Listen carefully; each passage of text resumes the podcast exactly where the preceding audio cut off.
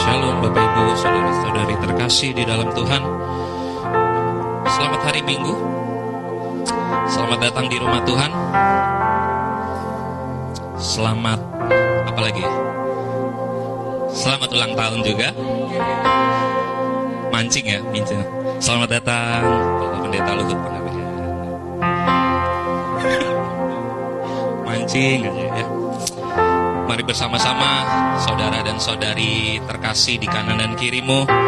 Kita hari ini datang untuk menikmati kasih, kemurahan, kebaikan Tuhan dalam hidup kita. Amin. Ada yang spesial saudara hari ini. Bukan kemarin, hari ini saudara. Karena hanya terjadi satu kali seumur hidup hari ini di mana kita beribadah bersama-sama baik di tempat ini maupun yang ada di live streaming di tanggal 23 di tahun 2023 23 23 ya.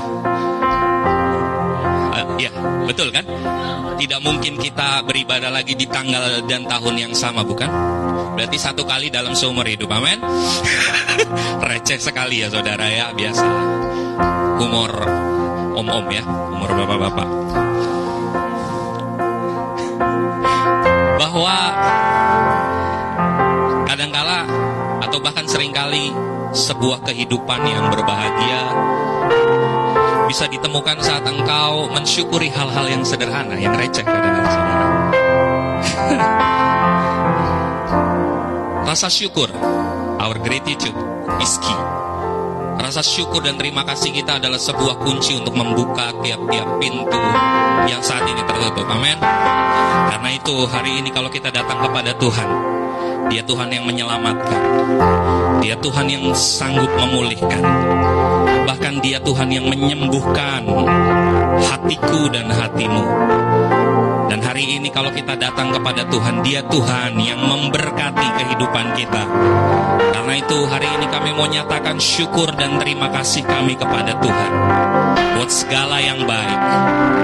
Buat segala yang limpah. Buat segala yang terjadi dalam kehidupan kami. Kami mau naikkan syukur kami. Kami mau persembahkan hidup kami Tuhan. Kami mau nyatakan Engkau Tuhan yang terbesar. Dan kami percaya Tuhan rasa syukur kami membuat kami melihat bahwa sempurnanya kasih-Mu buat hidup kami. Terima kasih Tuhan. Kau Tuhan yang selamatkanku. Terima kasih Yesus. Amin. Kau Tuhan yang pulihkanku. Terima kasih. Kau Tuhan yang sembuhkanku.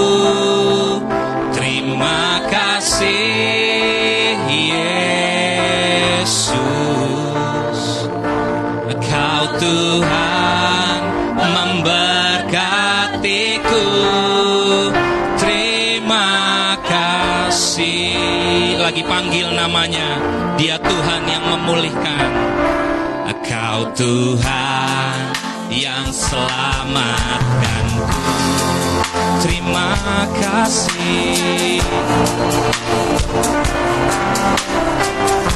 Engkau Tuhan.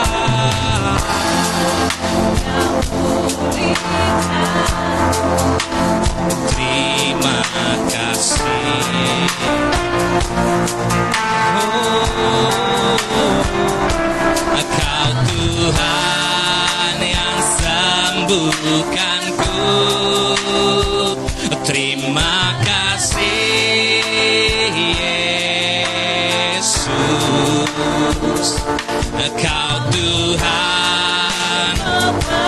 bangkit berdiri Nyatakan syukurmu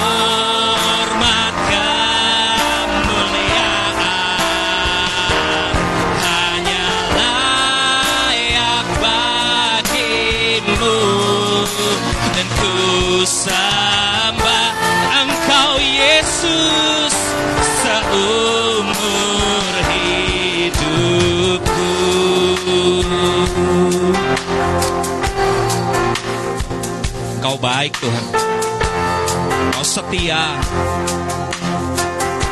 Hati kami rindu untuk terus menyenangkan Engkau di setiap musim kehidupan kami. Entah kami di atas, entah kami di bawah yang kami ingat kasih setiamu lebih dari hidup. Kasih setiamu lebih dari cukup. Kasih setiamu mampu mengubahkan setiap kami. Membuat kami terus melihat bahwa Engkau menolong, menyediakan, Engkau menopang, Engkau mengadakan bahkan yang tidak ada jadi ada. Engkau membuat segala sesuatu indah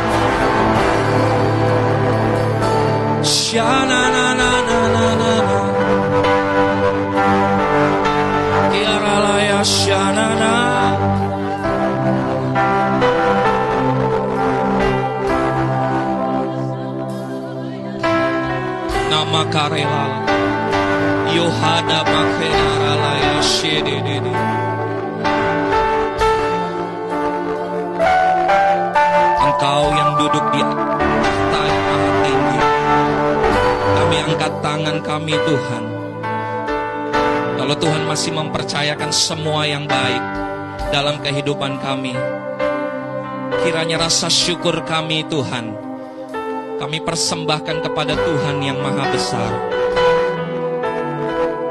Engkau mempercayakan kesehatan, kebaikan, keluarga, pekerjaan, pelayanan. Kami mau bersyukur tiap kepercayaan yang Tuhan nyatakan. Terima kasih Tuhan. Segala pujian syukur kami bagi Engkau Tuhan. Yesus Dengan apakah ku balas kasihmu? Angkat tanganmu Naikkan bagi dia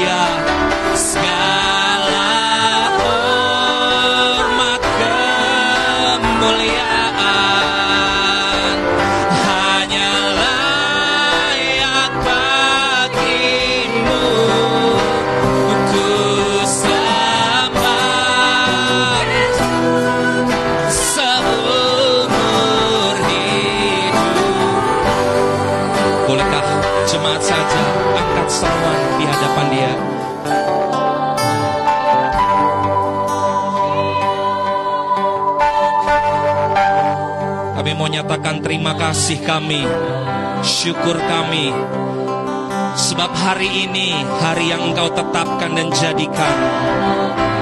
Kami percaya selalu ada kesempatan untuk kami menyatakan kasih kami kepadamu Tuhan, kasih kami kepada Tuhan kami.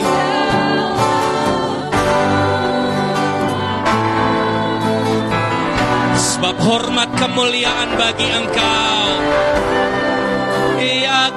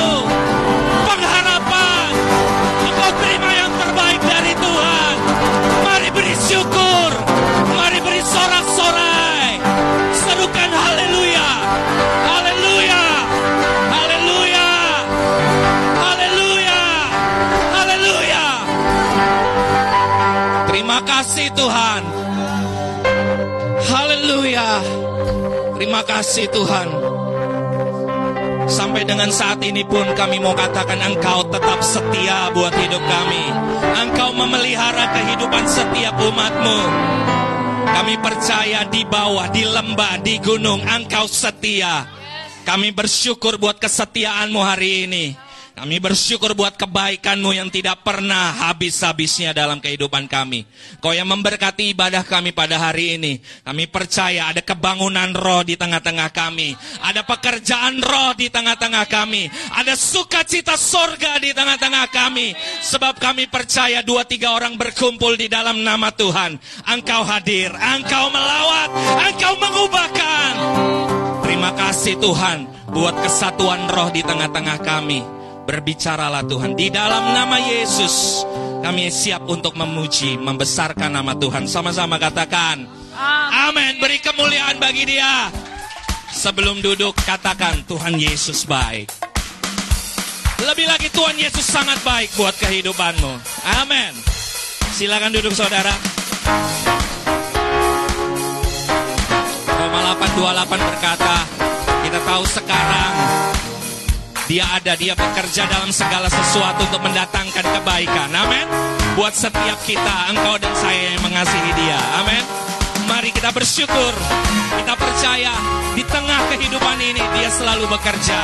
Dia selalu bekerja. Ku tahu Allah turut bekerja di dalam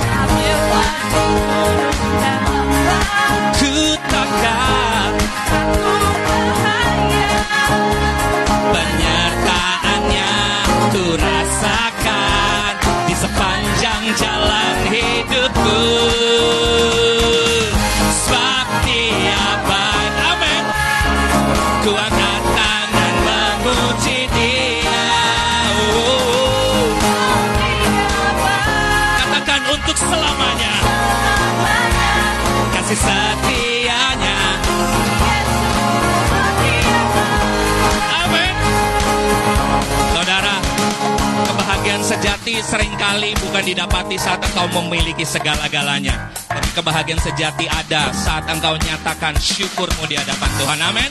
Saya jemput kita bangkit berdiri.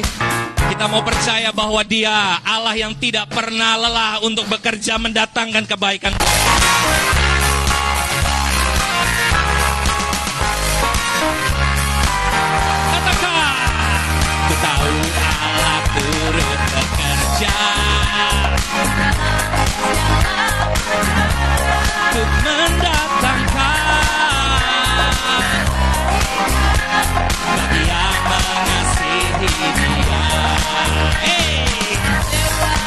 Gunung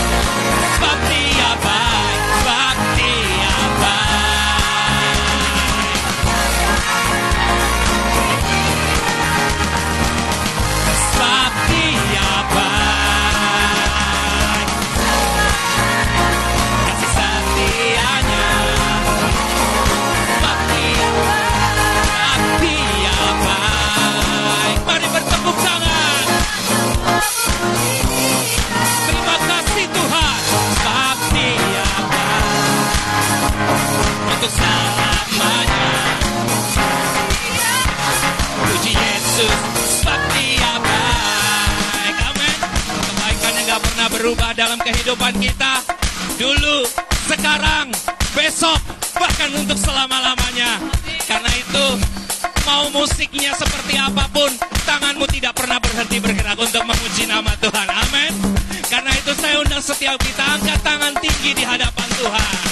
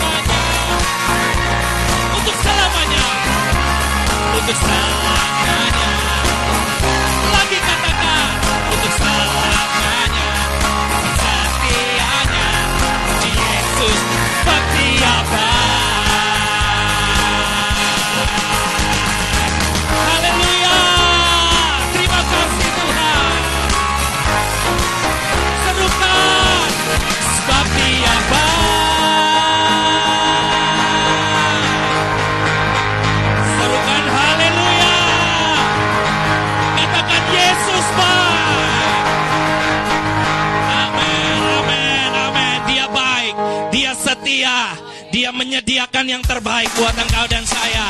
Rancangan yang sempurna buat hari depanmu untuk selama-lamanya.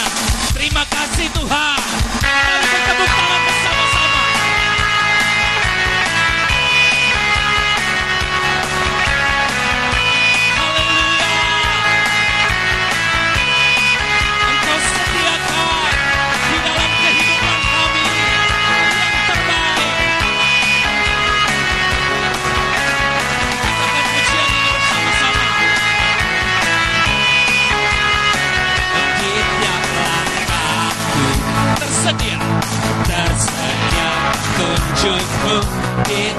Jalanku.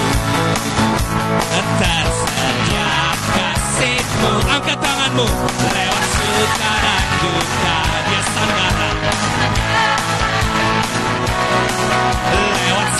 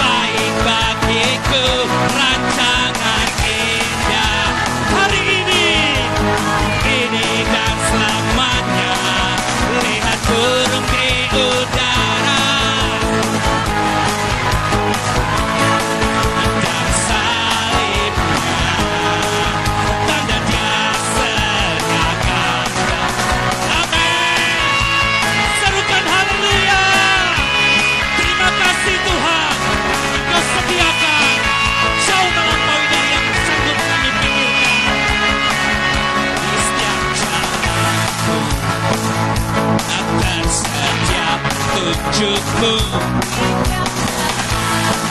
nyatakan kasih di tengah-tengah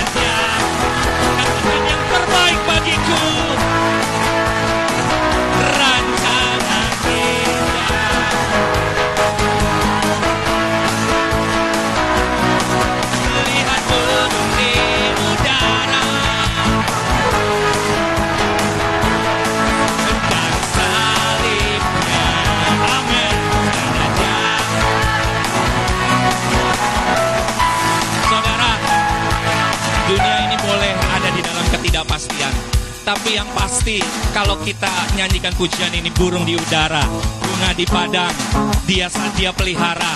Bahkan dia naik ke atas kayu salib untuk menebus engkau dan saya. Dia hari ini berkata, dia menyediakan lebih dari yang engkau pinta. Hari ini, esok bahkan untuk selama-lamanya. Karena itu lewati apa pun juga mari percaya Dia sediakan Dia sediakan Dia sediakan yang terbaik buat kehidupan kita Amin Mari angkat pujian ini. Lewat suka dan duka, Engkau sandaran bagiku. Lewat, lagi katakan. Lewat suka dan duka, Engkau sandaran bagiku. Lewat semua khawatirku.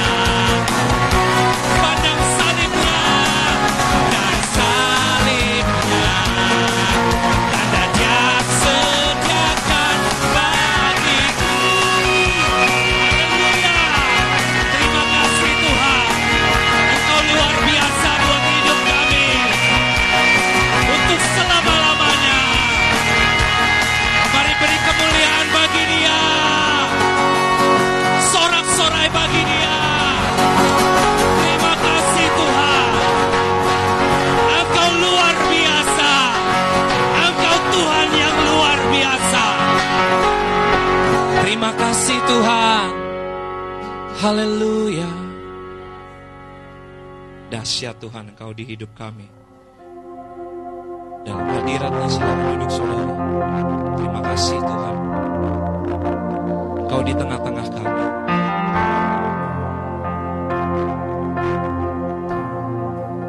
Lewat pujian ini kami menyatakan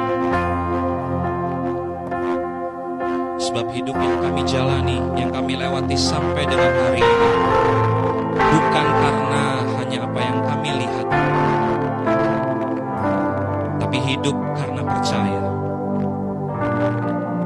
Kami percaya Engkau Tuhan yang besar. Kami percaya Engkau yang berjanji Dan Engkau yang pasti menggenapi buat setiap kami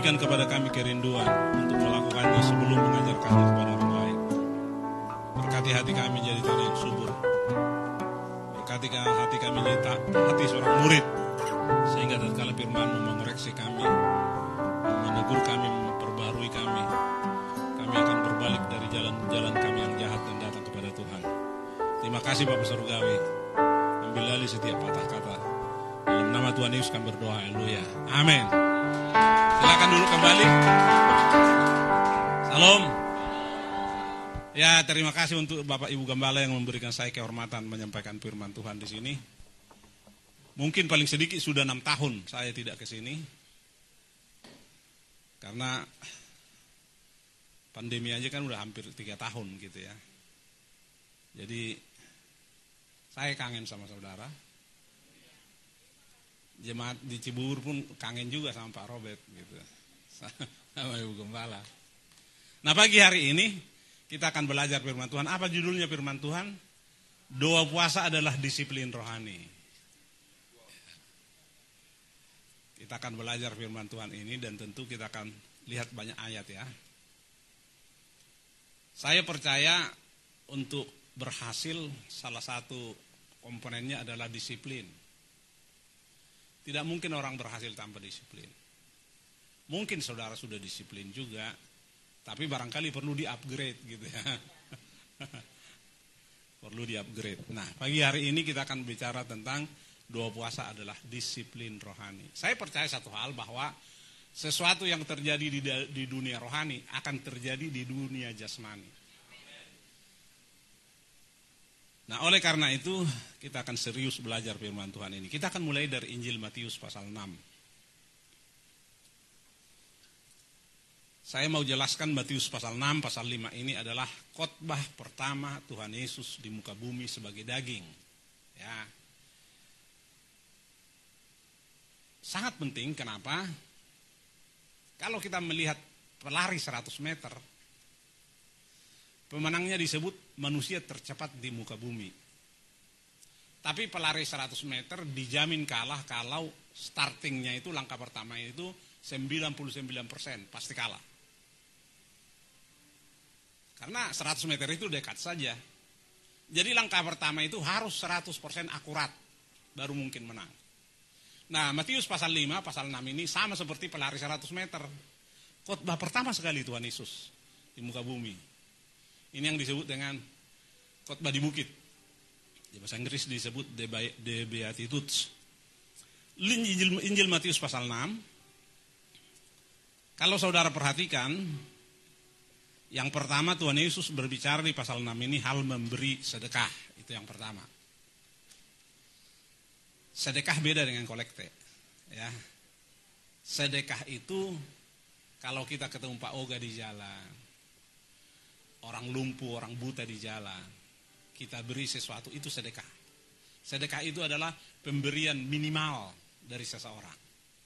Yesus sudah berbicara, berbicara tentang uang. Pertama sekali khotbah di muka bumi.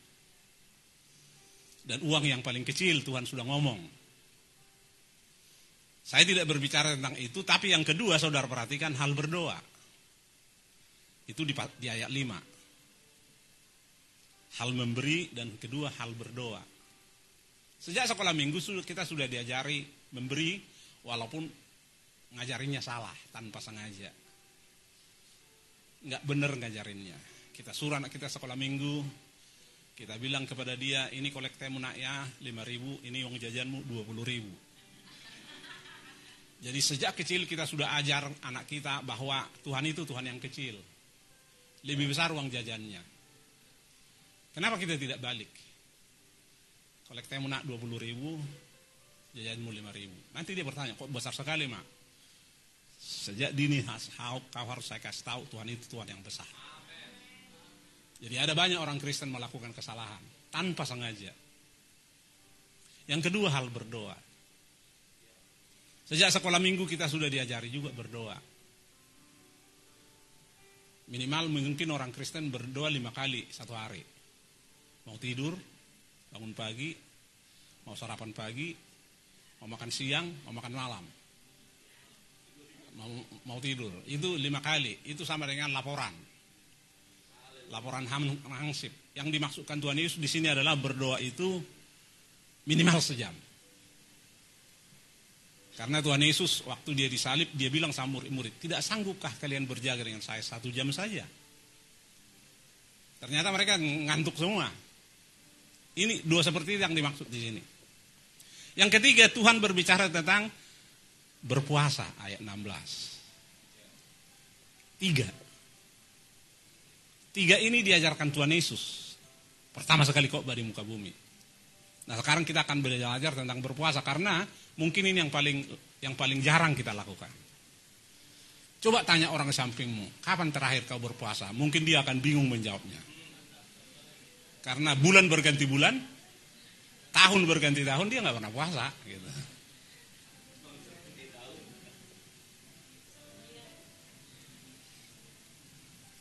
Jadi kita akan belajar hal berpuasa ini karena sama pentingnya. Tiga-tiga ini sama pentingnya. Memberi, berdoa, dan berpuasa. Sama seperti kalau saudara, coba kita lihat dulu pengkhotbah pasal 4. Pengkhotbah pasal 4. Ayat 12. Dan bila mana seorang dapat dialahkan, dua orang akan dapat bertahan. Tali tiga lembar tak mudah diputuskan. Tali tiga lembar itu memberi, berdoa, berpuasa, menjadi lifestyle kita.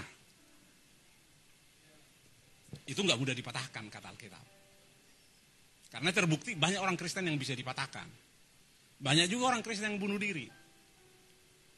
Banyak juga orang Kristen yang narkoba. Banyak juga orang Kristen yang korupsi. Di KPK itu ada kebaktian. Yang ditahan di situ ya anggota dewan, kepala daerah, menteri, menteri pelatih itu orang Kristen. Kenapa bisa seperti itu? Tinggi-tinggi mereka sekolah, Minimal mungkin S2. Pakai dasi kerja, tapi jadi pencuri. Buktinya masuk di KPK. Belum lagi di tahanan-tahanan di seluruh Indonesia. Begitu banyak orang Kristen. Kok bisa? Karena hal ini tidak berjalan bertiga. Berse tidak berjalan seimbang tiga-tiganya. Tidak balance jalannya. Kalau kita bertanya, Kenapa puasa di setiap agama ada? Orang Islam puasa sekali sebulan loh saudara, sebulan setahun. Dan itu disiplin, anak-anak kecil juga melakukannya. Orang Buddha naik gunung berpuasa. Mereka setelah selesai puasa mereka bilang turun gunung. Kalau saudara lihat seluruh agama di muka bumi ini ada puasanya. timbul pertanyaan, mana yang original? Kenapa semua ada? Kalau saudara punya mesin percetakan yang canggih sekali, lalu saudara mau main cetak uang palsu, saya kira saudara goblok kalau saudara cetak uang seribu. Paling sedikit saudara akan cetak seratus ribu atau seratus dolar sekalian. Nah kenapa puasa ada semua agama? Karena puasa itu powerful, dahsyat. Dan, dan yang original ada di Alkitab. Karena Islam ada 600 tahun setelah kekristenan. Yang original ini artinya mahal sekali sehingga ada menduplikat semua agama. Karena mahal sekali. Powerful sekali. Saya beberapa tahun yang lalu saya lihat di televisi seorang penyanyi artis namanya Sarini dipanggil ke Polda karena terlibat dengan tur fiktif. Jadi dipanggil ke Polda. Wartawan itu rupanya matanya hebat-hebat saudara. Mereka bilang jam yang dikenakan Sarini ini, Sarini itu 5 miliar. Padahal buatan tahun 60. Jam Rolex. Kira-kira sebulan kemudian saya ada di satu mall di Jakarta Timur. Lalu saya pergi ke satu etalase, ada jam Rolex 100 ribu. Sama-sama Rolex. Tahun 60 punya Sarini 5 miliar. Second. Dia beli second. Saya tidak kemudian beli Rolex yang 100 ribu. Karena kalau saya beli Rolex yang 100 ribu, seminggu kemudian mati. Dan saya datang komplain ke dia, baru seminggu udah mati jam. Dia bilang, ah bapak beli 100 ribu. Masa mau hidup 20 tahun? Tiap hari orang mati di Pondok Ranggon nggak nggak komplain kayak bapak katanya.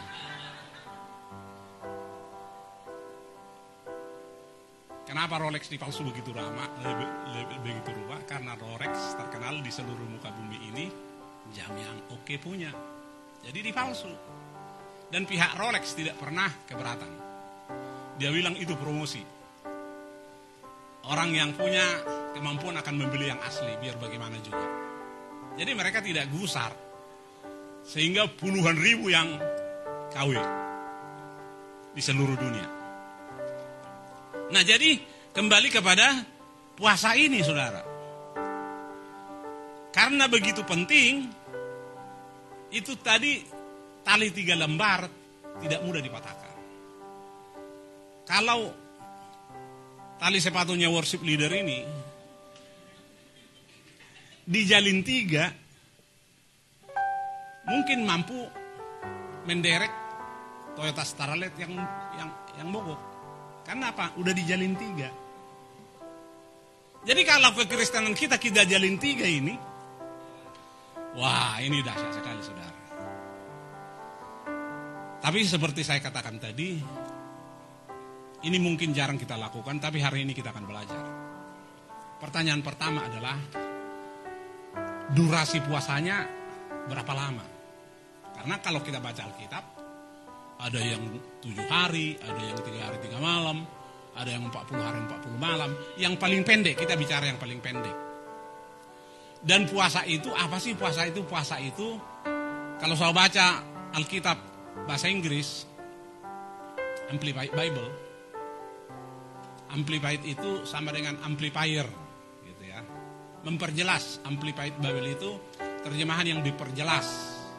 Di situ didefinisikan puasa itu adalah tidak makan dan tidak minum pada waktu yang ditetapkan. Tapi kita akan lihat berapa lama. Dan mana judul khotbah kita tadi itu? Kalau puasa harus doa ya. Tidak boleh tidak doa. Kalau nggak doa itu namanya diet. Harus banyak doanya. Kenapa orang Islam kalau masuk puasa itu selalu iklannya sepanjang hari tentang promak lah. Semuanya tentang lambung. Kenapa? Karena tidak ada roh kudus, jadi tidak ada mujizat. Ya, yang ada penderitaan gitu loh. jadi otomatis mereka akan sakit mah. Jadi sepanjang hari selama sebulan itu iklan itu di televisi itu semua tentang lambung, perawatan lambung. Jadi kalau kita berdoa, berpuasa tanpa berdoa itu namanya diet itu yang pertama. Kedua, terkutuk orang yang mengendalikan dirinya sendiri. Kita puasa tapi ternyata kita terkutuk. Karena apa? Nggak ada jam doanya. Jadi jam doanya harus banyak. Termasuk malamnya. Kalau saudara tidak puasa tidur 8 jam, kalau puasa ya minimal 7 jam lah saudara. Maksimal saudara tidur 7 jam. Kenapa? Saudara sedang puasa. Jadi saudara harus bangun untuk berdoa. Kalau enggak, saudara enggak enggak enggak ada bedanya saudara puasa dengan enggak puasa karena tetap aja saudara tidur 8 jam satu malam. Jadi jam 2 malamnya pun, jam tidur malamnya pun harus dikurangin. Untuk duduk di bawah kaki Tuhan, memuji dia, menyembah dia. Baca firman Tuhan, merenungkannya. Jadi pertanyaan pertama adalah, durasi paling pendek berpuasa itu berapa lama sebenarnya? Dan kita harus mencari jawabannya di, di Alkitab. Bukan di sumber lain. Coba kita lihat kitab Hakim-Hakim pasal 20. Hakim-Hakim pasal 20 ini tentang peperangan orang Israel dengan orang Benyamin. Jadi ini perang perang sipil antara orang Israel dengan orang Israel. Ini panjang ayatnya 48 ayat, jadi kita tidak baca semua, saya jelaskan dulu saja. Jadi ada ada, ada seseorang ditinggal lari sama pasangannya, lari ke orang tuanya, dan setelah tiga bulan si laki-laki jemput dia, udah, udah kelamaan. Setelah jemput dia, lalu dibawa pulang, rupanya mereka terlalu malam di perjalanan. Lalu mereka menginap di Gibea. Ketika mereka menginap di Gibea, orang-orang Benyamin datang untuk meminta istrinya supaya diperkosa. Dan istrinya diperkosa sampai mati. Setelah diperkosa sampai mati, yang punya suami potong istrinya 12 potong, 12 potong, dimutilasi 12. Dikirim ke suku Israel, ke suku Yehuda satu potong, ke, suku Isakar satu potong, satu potong, ke suku Jebulon satu potong, 12 potong di, di didistribusikan ke orang Israel. Dan orang Israel bilang, waduh gawat banget ini, nggak pernah seperti ini terjadi. Apa yang terjadi? Lalu dipanggil suaminya ini, dan dia cerita tentang apa yang terjadi. Lalu orang Israel berkata, kita harus ke Gibea memanggil orang-orang yang memperkosa itu, dan kemudian kita akan hukum. Ternyata orang-orang Benyamin nggak mau memberikan orang-orang yang bersalah itu. Akibatnya mereka berperang. Itulah judulnya peperangan orang Israel melawan Bani Benyamin. Setelah mereka berperang, saudara perhatikan saya baca ayat 17. Juga orang-orang Israel dihitung jumlahnya dengan tidak termasuk suku Benyamin ada 400 ribu orang yang bersenjatakan pedang semuanya itu prajurit. Lalu orang Israel berangkat dan maju ke Betel. Di sana mereka bertanya kepada Allah, Berdoa maksudnya. Tuhan itu bukan Tuhan yang mati, jadi dia bisa ngomong. Yang paling umum dia lewat firman Tuhan lah yang paling umum.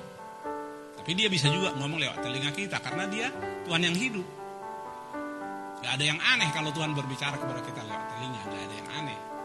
Kecuali dia Tuhan yang mati, gitu ya. Jadi dia mereka berdoa di Betel. Setelah mereka berdoa, ayat 18 tadi, lalu orang Israel berangkat dan maju ke Betel, di sana mereka bertanya kepada Allah. Doa ya, siapakah dari kami yang lebih dahulu maju berperang melawan Bani Benyamin? Jawab Tuhan, suku Yehuda lah lebih dahulu maju. Sekali lagi Tuhan itu Tuhan, Tuhan yang hidup, jadi dijawab. Mungkin bisa lewat telinga ini, mungkin juga bisa lewat hati. Yang jelas dijawab, maju orang Yahudi. Ayat 19. Lalu orang-orang Israel bangun pagi-pagi dan berkemah mengepung Gibea. Kemudian majulah orang-orang Israel berperang melawan suku Benyamin. Orang-orang Israel mengatur barisan perangnya melaw melawan mereka dekat Gibea. Ayat 21 saudara baca. 2, 3.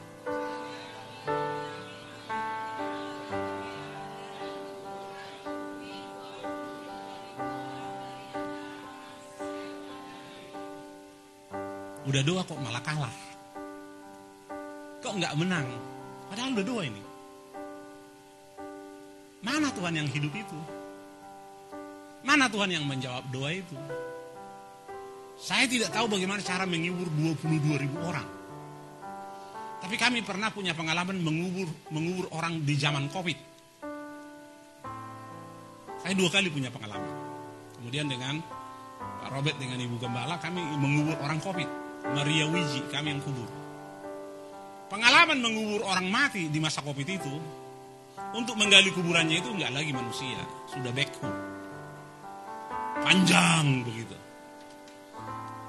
Belum kami masukkan ah, Maria Wiji, udah ngantri banyak. Di belakang.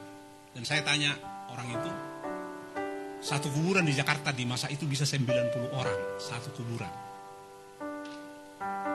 Bayangkan saudara mengubur mengubur itu aja udah udah udah repot sekali kita karena kita belum acara udah ngantri ambulans panjang ini 22 ribu orang mati padahal sudah berdoa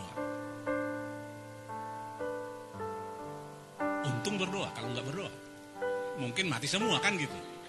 Penting berdoa loh saudara.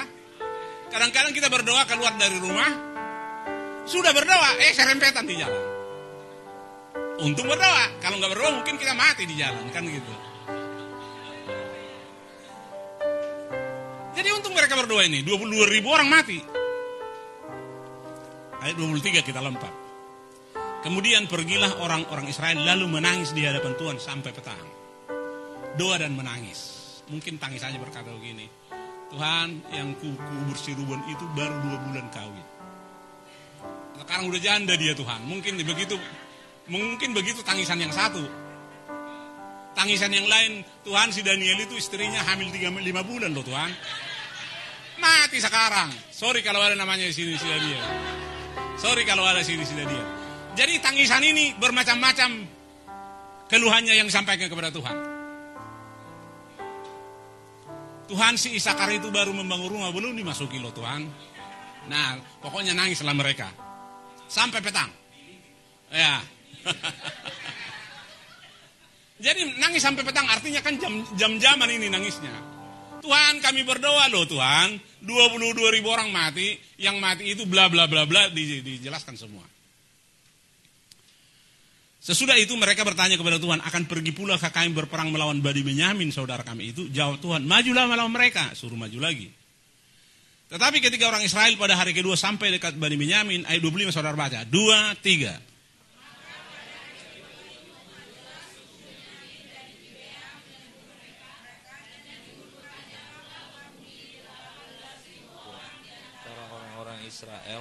Semuanya orang-orang yang bersenjatakan pedang. Kalah lagi. 18 ribu sekarang mati. Memang udah lebih sedikit lagi. Didengar Tuhan juga doanya, udah lebih sedikit. Tapi mati 18 ribu. Sekali lagi berdoa penting, saudara. Kalau nggak berdoa mungkin lebih tragis yang terjadi. Ayat 26, saudara baca bersama-sama. 26, 2, 3. Kemudian pergilah semua orang Israel, yakni seluruh bangsa itu, lalu sampai di Betel. Di sana mereka tinggal menangis di hadapan Tuhan, berpuasa sampai senja pada hari itu, dan mempersembahkan korban bakaran dan korban keselamatan di Nah. hadapan Tuhan. Nah dua kali kalah, sekarang mereka doa puasa. Dan kemudian kalau saudara baca terus, mereka menang. Setelah doa puasa. Doa puasa sampai senja. Jadi itu yang paling pendek di Alkitab, sampai senja. Kalau saudara ditelepon orang jam 3 masih sering dikatakan selamat siang. Tapi kalau enggak jam 4 nggak mungkin lagi selamat siang. Berarti oke, okay, let's say sampai jam 4 minimal. Kenapa penting? Durasinya. Penting durasinya karena apa? Kalau saudara misalnya janji jam 4 sore mau buka puasa, jam 3 sore saudara merasa lambung seperti digergaji. Hausnya setengah mati. Keringat dingin, lemas, jam 3 sore. Dan saudara bilang, aduh Tuhan kondisinya udah seperti ini. Buka aja deh jam 3 sore. Berarti saudara nggak pegang janji. Saudara kan janji jam 4. Tuhan itu Tuhan yang komitmen. Tapi jam 3 sore saudara mengalami yang begitu sulit sampai seperti mau mati rasanya. Saya mau beritahu saudara. Itulah puncak peperangan rohaninya. Mungkin di jam itu Roh Kudus sedang mengeluarkan toksin-toksin dari tubuh saudara. Dikeluarkannya toksin-toksin di jam itu sehingga tubuh kita bereaksi. Panas, dingin, meriang. Karena toksinnya lagi diambil Roh Kudus. Jadi kita harus lewati peperangan rohaninya, puncaknya. Jadi sampai jam 4 minimal. Itu minimal. Timbul pertanyaan, kenapa Tuhan Yesus puasa sebelum pelayanan? Injil Matius pasal 1 itu Yesus itu Alkitab berbicara tentang silsilah. Injil Matius pasal 2 itu berbicara tentang orang majus datang. Injil Matius pasal 3 itu berbicara tentang Yesus dibaptis. Injil Matius pasal 4 itu Yesus puasa 40 hari 40 malam. Injil Matius pasal 5 Yesus pelayanan mulai. Pertanyaannya, kenapa dimulai dengan dua puasa?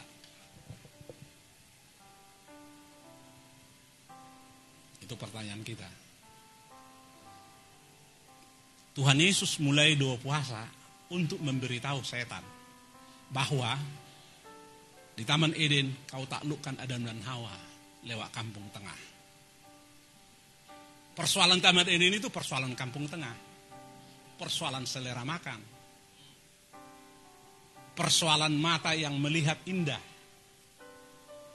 Dan Tuhan Yesus mau beritahu setan bahwa kalau kau taklukkan Adam dan Hawa, saya kau tidak bisa taklukkan. Saya memulainya 40 hari 40 malam untuk memberitahu kau bahwa Adam yang kemudian tidak bisa ditaklukkan lewat kampung tengah. Itu sebabnya Yesus puasa 40 hari 40 malam. Bangsa Israel keluar dari Mesir menuju tanah Kanaan. Kalau mereka ada 2 juta orang, janji untuk masuk Kanaan adalah untuk 2 juta orang. Tapi mereka tidak masuk tanah kanaan karena sepanjang jalan yang dipersoalkan adalah kampung tengah. Itu yang dipersoalkan terus. Makanan, minuman, makanan, minuman sepanjang jalan. Dan mereka tidak masuk tanah kanaan. Kalau saya berbicara kepada saudara tentang durasi puasa. Sampai senja. Ini kata Alkitab. Pertanyaan berikutnya adalah, kenapa sulit berpuasa?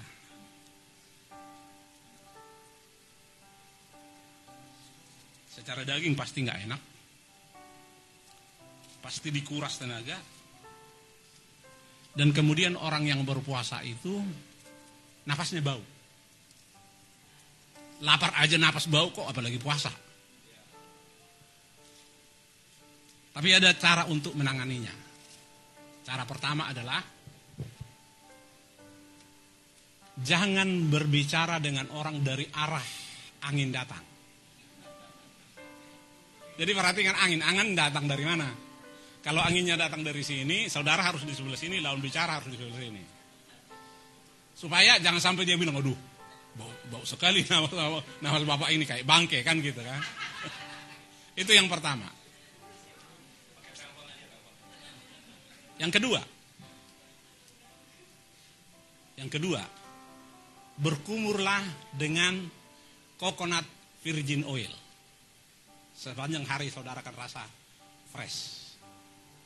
Setelah saudara berkumpul dengan satu sendok makan aja, satu sendok, sekali sehari aja. Setelah saudara berkumur dengan coconut virgin oil, saudara ambil sendok lalu korek lidah saudara, itu akan sangat bersih nantinya. Virgin, virgin coconut virgin oil itu nggak bisa dicari di warung-warung kecil, nggak bisa. Ya, harus saudara ke eh, supermarket yang rada gede Ya. Itu manjur karena saya pakai. Jadi pertanyaannya yang sekali lagi adalah kenapa manusia sukar berpuasa? Coba kita ke kitab kejadian pasal 1. Pasal 1. Ayat 11 sampai 13. Saya baca 11 ya. Berfirman Allah, hendaklah tanah menumbuhkan tunas-tunas muda, tumbuh-tumbuhan yang berbiji, segala jenis pohon buah-buahan yang menghasilkan buah yang berbiji, supaya ada tumbuh-tumbuhan di bumi dan jadilah demikian. Ayat 12 saudara baca. Dua, tiga. Tanah itu menumbuhkan tunas-tunas muda, segala jenis tumbuh-tumbuhan yang berbiji, dan segala jenis pohon-pohonan yang menghasilkan buah yang berbiji. Allah melihat bahwa semuanya itu baik. Teruskan, dua, tiga. Jadilah petang dan jadilah pagi, itulah hari ketiga. Hari ketiga Tuhan sudah ciptakan makanan. Hari keenam baru Tuhan ciptakan manusia. Jadi makanannya dulu disiapkan. Kita lanjutkan ayat 20 sekarang. Saya baca ayat 20. Berfirman Allah hendaklah dalam air berkeriapan makhluk-makhluk yang hidup dan hendaklah burung-burung berterbangan di atas bumi melintas cakrawala. Dua, tiga. Maka Allah menciptakan binatang-binatang laut yang besar dan segala jenis makhluk hidup yang bergerak, yang berkeriapan dalam air, dan segala jenis burung yang bersayap. Allah melihat bahwa semuanya itu baik. Lalu Allah memberkati semuanya itu firman-Nya berkembang biaklah dan bertambah banyaklah serta penuhilah air dalam laut dan hendaklah burung-burung di bumi bertambah banyak. Dua, tiga. Jadilah petang dan jadilah pagi, itulah hari kelima. Hari ketiga Tuhan ciptakan makanan, hari kelima komplit, hari keenam baru manusia. Jadi masuk akal ketika kita bangun pagi rasa lapar. Masuk akal. That's natural. Itu alami. Memang begitu. Satu jam kemudian hausnya kita udah kering ini. Pagi-pagi jam 7 pagi. Memang begitu Tuhan ciptakan makanan hari ketiga, hari kelima. Jadi nggak usah heran kalau seperti itu badan kita. Itu memang begitu. Jadi untuk puasa perlu iman yang gede. Menyangkali diri kita. Menyangkali selera minum kita, menyangkali selera makan kita, itu perlu iman yang besar. Karena secara alami nggak mungkin bisa, nggak mungkin. Setelah manusia diciptakan Tuhan hari ke-6, Tuhan beristirahat hari ke-7. Enam hari bekerja menciptakan segala sesuatu selama enam hari, hari ketujuh istirahat. Berarti minimal harus istirahat pencernaan kita satu kali seminggu minimal, menurut Alkitab. Minimal satu kali seminggu. Kita ikut Tuhan.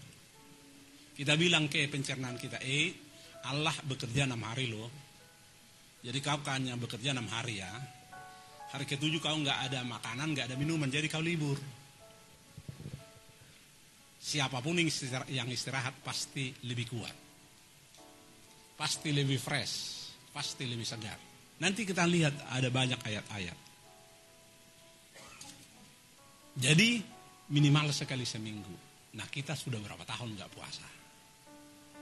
Kalau kita melihat ke penciptaan gitu ya. Kalau kita melihat ke penciptaan, Allah itu beristirahat hari ketujuh. Lah kita kapan istirahatnya dong? Masa kerja terus itu pencernaan? Ingat, Sehebat-hebatnya saudara pelihara kampung tengah, suatu hari saudara akan mati. Pasti. Dan untuk mati itu nggak harus sakit, nggak harus tua. Jadi semakin saudara harus makan yang steril semua, harus minum yang steril semua, itu memanjakan kampung tengah. Padahal suatu hari saudara akan menjadi tanah juga. Mari kita lanjut, kita baca Matius pasal 17. Matius pasal 17.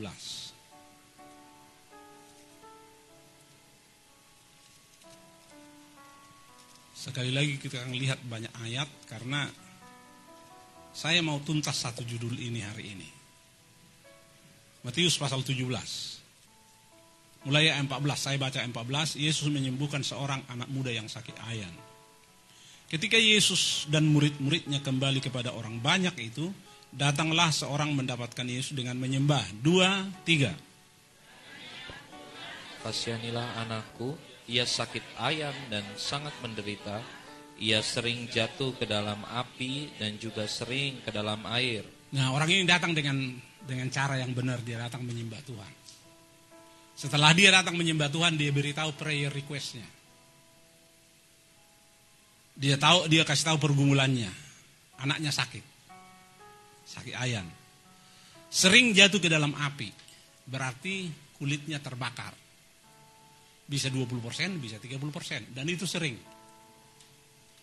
Kalau sekarang mungkin agak gampang diobati karena sudah banyak dokter-dokter yang canggih sekarang bagian kulit.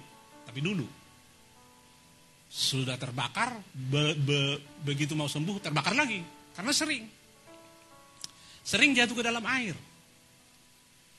Kalau tahu berenang, jatuh ke dalam air, apalagi dalam, tidak ada masalah. Tapi kalau tidak tahu berenang, ya selesai. Sering jatuh, sering. Ayat 16, aku sudah membawanya kepada murid-muridmu, tetapi mereka tidak dapat menyembuhkannya. Loh, bikin malu ini murid-murid, saudara. Semua kita murid Tuhan Yesus. Lalu datang orang sakit ke kita, pulang sakit juga. Kan malu kita. Iya kan? Itu seperti ini nih. Datang orang sakit, pulang sakit juga. Ayat 17, saudara baca. Dua, tiga. Maka kata Yesus, Hai kamu angkatan yang tidak percaya dan yang sesat. Berapa lama lagi aku harus tinggal di antara kamu? Berapa lama lagi aku harus sabar terhadap kamu? Bawalah anak itu kemari. Marah Tuhan Yesus, saudara. Mungkin intonasinya, Hai kamu angkatan yang kurang percaya. Mungkin intonasinya begitu. Bawa anak itu sini. Mungkin seperti itu barangkali. Tidak disebut tidak disebut intonasinya. Tapi barangkali seperti itu namanya orang marah. Gak mungkin orang marah. Berapa lama lagi aku dengan kamu? Gak mungkin begitu. Itu namanya bukan marah. Tuhan Yesus marah loh di sini. marah. Jadi dihardiknya saudara. Ayat 18. Dengan keras Yesus menegur dia lalu keluarlah setan itu daripadanya dan anak itu pun sembuh seketika itu juga. Jadi ternyata anak ini nggak sakit. Ada setan di dalam. Kalau saudara sakit, jangan cepat-cepat ke dokter loh saudara. Jangan-jangan ada setannya di dalam. Saudara ke dokter mana pun nggak bisa sembuh. Misalnya saudara katakanlah misalnya saudara maaf menceret sudah minum eskorol stop, nggak stop stop juga. Akhirnya saudara ke dokter. Belum sampai ke dokter Tuhan ngomong di jalan. Kau kan janji kemarin mau puasa, nggak puasa kau. Ya, pulang aja, nggak usah jadi ke dokter, nggak usah ke dokter lagi. Puasa aja sembuh itu. Nah ini nggak sakit dia. Jadi jangan cepat-cepat ke dokter. Saudara harus doa. Kenapa ini Tuhan sakit begini? Jangan-jangan misalnya Tuhan bilang kau kan jadi bayar perpuluhan, tahu-tahu karena ada ada tas yang bagus, kau nggak bayar perpuluhan. Kan itu kan perempuan kan identik dengan tas. Perempuan. Lagi-lagi saya kurang tahu. bayar pasnya, bayar tasnya ya. Ayat 20. Ayat 20. Ia berkata kepada mereka karena kamu kurang percaya sebab aku berkata kepadamu sesungguhnya sekiranya kamu mempunyai iman sebesar biji sesawi saja kamu dapat berkata kepada gunung ini, pindahlah dari tempat ini ke sana, maka gunung ini akan pindah dan tak akan ada yang mustahil bagimu. Ayat dua satu saudara, dua tiga. Jenis ini tidak dapat diusir kecuali dengan berdoa dan berpuasa. Nah, ada pokok doa yang tidak manjur lagi. Jangan doa terus. Harus doa puasa. Ini Tuhan Yesus yang bilang, jenis ini harus doa puasa. Jadi saudara lihat pokok doa saudara. Apa kira-kira pokok doa saudara yang mungkin menurut saudara mentok banget gitu. Jangan doa lagi, doa puasa. Saya itu akan doa puasa Tuhan sampai kapan sampai kau jawab doaku misalnya begitu. Lalu saudara berpuasa setiap hari, setiap hari, setiap hari. Ketemu orang, kenapa tiap hari kau doa puasa?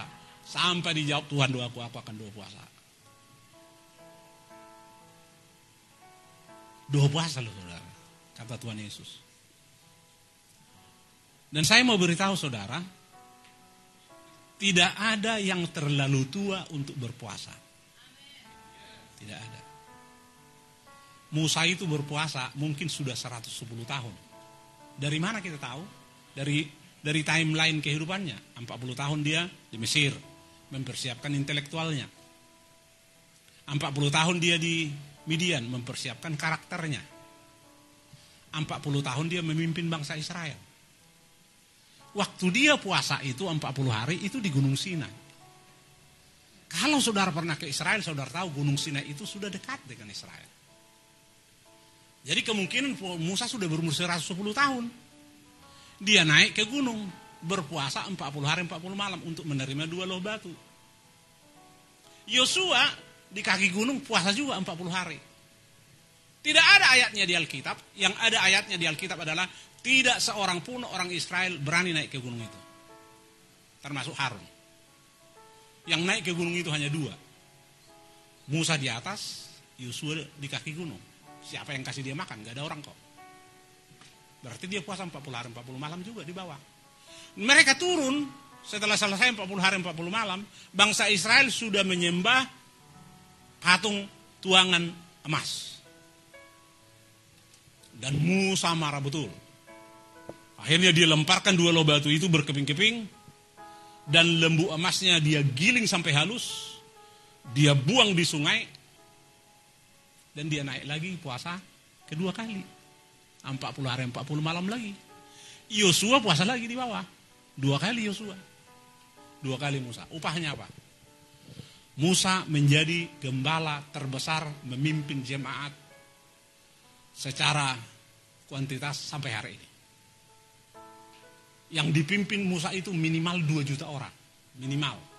Digembalakannya. Karena kalau kita baca kitab keluaran, banyak juga orang-orang lain yang ikut dengan bangsa Israel. Yang bergabung dengan bangsa Israel. Setelah melihat 10 tulah itu. Jadi jadi ikut dengan bangsa Israel. Mujizat pertama Musa adalah gembala terbesar sepanjang zaman sampai hari ini. Dia history maker. Yang kedua, mujizatnya banyak. Yang ketiga, Musa dikubur Allah sendiri. Sampai sekarang tidak ada orang yang tahu di mana kuburan Musa. Sampai hari ini. Tuhan menghargai Musa. Yosua apa upahnya? Yang menggantikan Musa ada Eliezer, ada anaknya Gersom, ada dua anaknya Musa. Mestinya orang-orang ini yang menggantikan Musa. Tapi Yosua yang menggantikan Musa yang tidak ada hubungan darah. Itu upahnya saudara. Yang puasa panjang siapa lagi Tuhan Yesus 40 hari 40 malam. Mujizatnya saya tidak usah cerita kepada saudara, banyak sekali. Yang puasa panjang siapa lagi? Elia, 40 hari 40 malam. Enggak mati loh saudara. Dia terangkat hidup-hidup. Dengan kereta yang ditarik oleh kuda yang dari api. Enggak mati Elia. Kita suatu hari kalau masuk surga harus melalui pintu yang namanya kematian. Elia enggak. Nah saya mau beritahu saudara, kalau saudara mau puasa panjang, ada masa adaptasi. Masa adaptasi itu kira-kira lima hari. Setelah itu saudara bisa olahraga, tentu olahraga sore aja karena saudara mau buka puasa sorenya. Setelah lewat masa lima hari itu saudara akan masuk kepada masa biasa saja. Tidak lapar, tidak haus, kadang-kadang aja sesekali. Tapi saudara sudah kuat. Demikian pun setelah saudara misalnya puasa panjang, karena di Alkitab itu ada orang yang puasa-puasa panjang. Nanti kita akan lihat lebih jauh. Jadi sekali lagi ada masa transisi. Bagi pemula, saya usulkan saudara kalau saudara pemula belum pernah puasa, saudara puasa hari Minggu. Kenapa? Hari Minggu ada ibadah, ada kegiatan rohani. Saudara akan kuat. Kalau saudara pemula. Nah, kalau kita melihat orang yang betul-betul hebat berpuasa, yang panjang-panjang itu tiga orang itu di Alkitab. Tapi ada lagi Daniel. Daniel pun waktu berpuasa, paling sedikit umurnya sudah 110 tahun, paling sedikit. Dari mana kita tahu? Mari kita hitung. Dia diangkat dari Israel ke Babel, katakan umur 17. Dia di Babel 70. 70 tahun, berarti 87. Umurnya 87. Dia menjadi Perdana Menteri waktu Nebukadnezar jadi raja, waktu Belsasar jadi raja, waktu Darius jadi raja, waktu Kores jadi raja. Empat raja berganti, dia terus menjadi Perdana Menteri. Ini history maker saudara. Siapa pun presiden di muka bumi ini pasti ganti kabinetnya. Ganti presiden pasti ganti kabinet. Itu pasti. Di seluruh dunia. Tapi Daniel enggak loh saudara. Jadi umurnya dia, taruh dia di Nebukadnezar lima tahun bekerja. Taruh seperti itu. Di Belsasar lima tahun bekerja. Di Darius lima tahun bekerja. Di Raja Kores lima tahun bekerja. Berarti dia udah 107 tahun. Dia berpuasa. Coba kita lihat puasanya dia. Berapa lama dia berpuasa. Kitab Daniel Daniel pasal 9 baru nanti kita ke pasal 10 pasal 9 ayat 3 lalu aku mengarahkan mukaku kepada Tuhan Allah untuk berdoa dan bermohon. Sambil berpuasa dan mengenakan kain kabung serta abu. Dia puasa dia menteri saudara. Dia wakil raja. Mengarahkan muka kepada Tuhan. Ada doanya, ada penyembahannya. Dia berpuasa dan mengenakan kain kabung. Kenapa? Karena dia lihat Alkitab, sudah 70 tahun mereka di Babel. Nah dia bilang, Tuhan Yeremia bilang kami 70 tahun di Babel. Nah sekarang 70 tahun nih. Dia dua puasa saudara. Berseru kepada Tuhan. Sekarang kita ke pasal 10. Ayat 1. Pada tahun ketiga pemerintahan Kores, raja orang Persia, suatu firman dinyatakan kepada Daniel yang diberi nama Belsasar. Firman itu benar dan mengenai kesusahan yang besar, maka dicamkannya lah firman itu dan diperhatikannya lah penglihatan itu. Ayat 2 saudara baca, 2, 3. Pada waktu itu Daniel bertabung tiga minggu penuh. 21 hari ya. Benar ya, 21 hari ya, 3 minggu penuh. Makanan yang sedap tidak kumakan berarti puasa. Bisa makan tapi yang nggak sedap berarti. Di bahasa Inggris disebut favorite food. Favorite food misalnya kalau orang Jawa rasa nggak makan kalau nggak makan kerupuk. Jadi harus ada kerupuknya kalau orang kalau orang Jawa makan rata-rata gitu ya umumnya.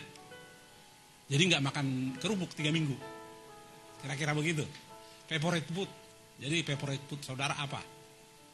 Jadi tiga minggu penuh nggak dimakan. Bisa makan tapi bukan favorite food. Ya. Kemudian makanan yang sedap tidak kumakan, daging dan anggur tidak masuk ke dalam mulutku. Jadi nggak makan daging, nggak minum anggur. Jadi tiga minggu penuh nggak makan daging. Daniel ya. Daging penting loh saudara. Anggur apalagi penting, apalagi kalau negara empat musim musim salju itu ya perlu minum anggur. Musim dingin supaya lebih panas dari dalam. Tapi dia tiga minggu nggak minum. Dan aku tidak berurap. Tidak berurap itu artinya tidak berdandan. Di bahasa Inggris disebut tidak men menghias diri. Jadi kalau Perdana Menteri itu kalau mau ke kantor singgah dulu di salon. Sama seperti pembaca berita Metro TV itu pembaca berita jam 5 pagi, jam 4 sudah ke salon dia. Di salon dulu jam 4 dia baru dia di syuting untuk membaca berita. Gitu. Nah, Daniel mau ke kantor itu didandani dulu karena dia Perdana Menteri. Dan itu nggak dilakukannya tiga minggu penuh. Tidak berurap. Sampai berlalu tiga minggu penuh. Ini disebut puasa Daniel. Kami sudah lakukan tiga tahun. Saya umumkan di mimbar. 1 Januari sampai 21 Januari. Saya mulai getol mencari firman Tuhan ini tentang puasa ini. Memang waktu disiapin tahun 86 sudah belajar juga. Tapi yang paling yang paling membuat saya lebih intensif lagi waktu kita masuk corona.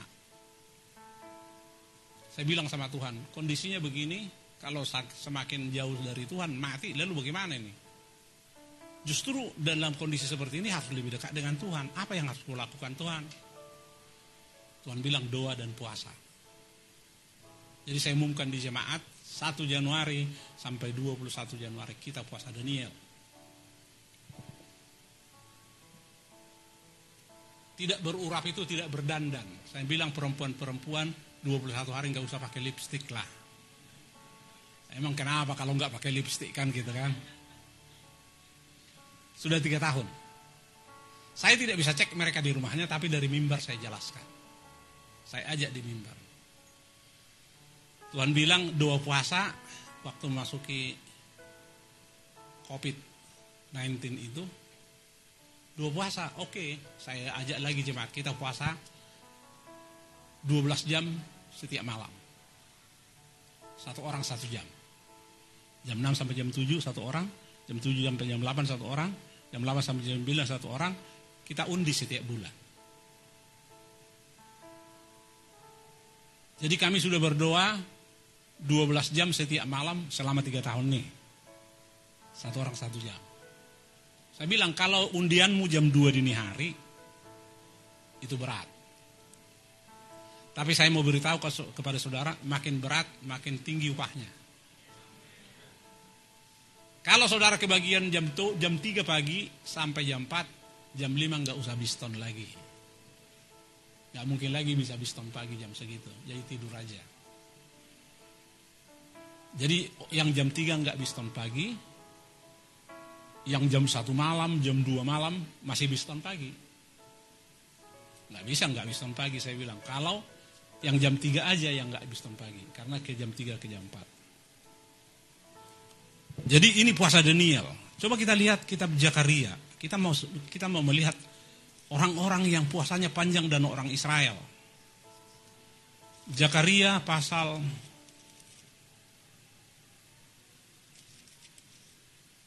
pasal 8. Pasal 7 dulu, saudara kita lihat ayat 5, pasal 7 dulu. Ayat 5.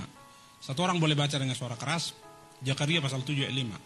Zakaria 7 ayat yang kelima, katakanlah kepada seluruh rakyat negeri dan kepada para imam demikian.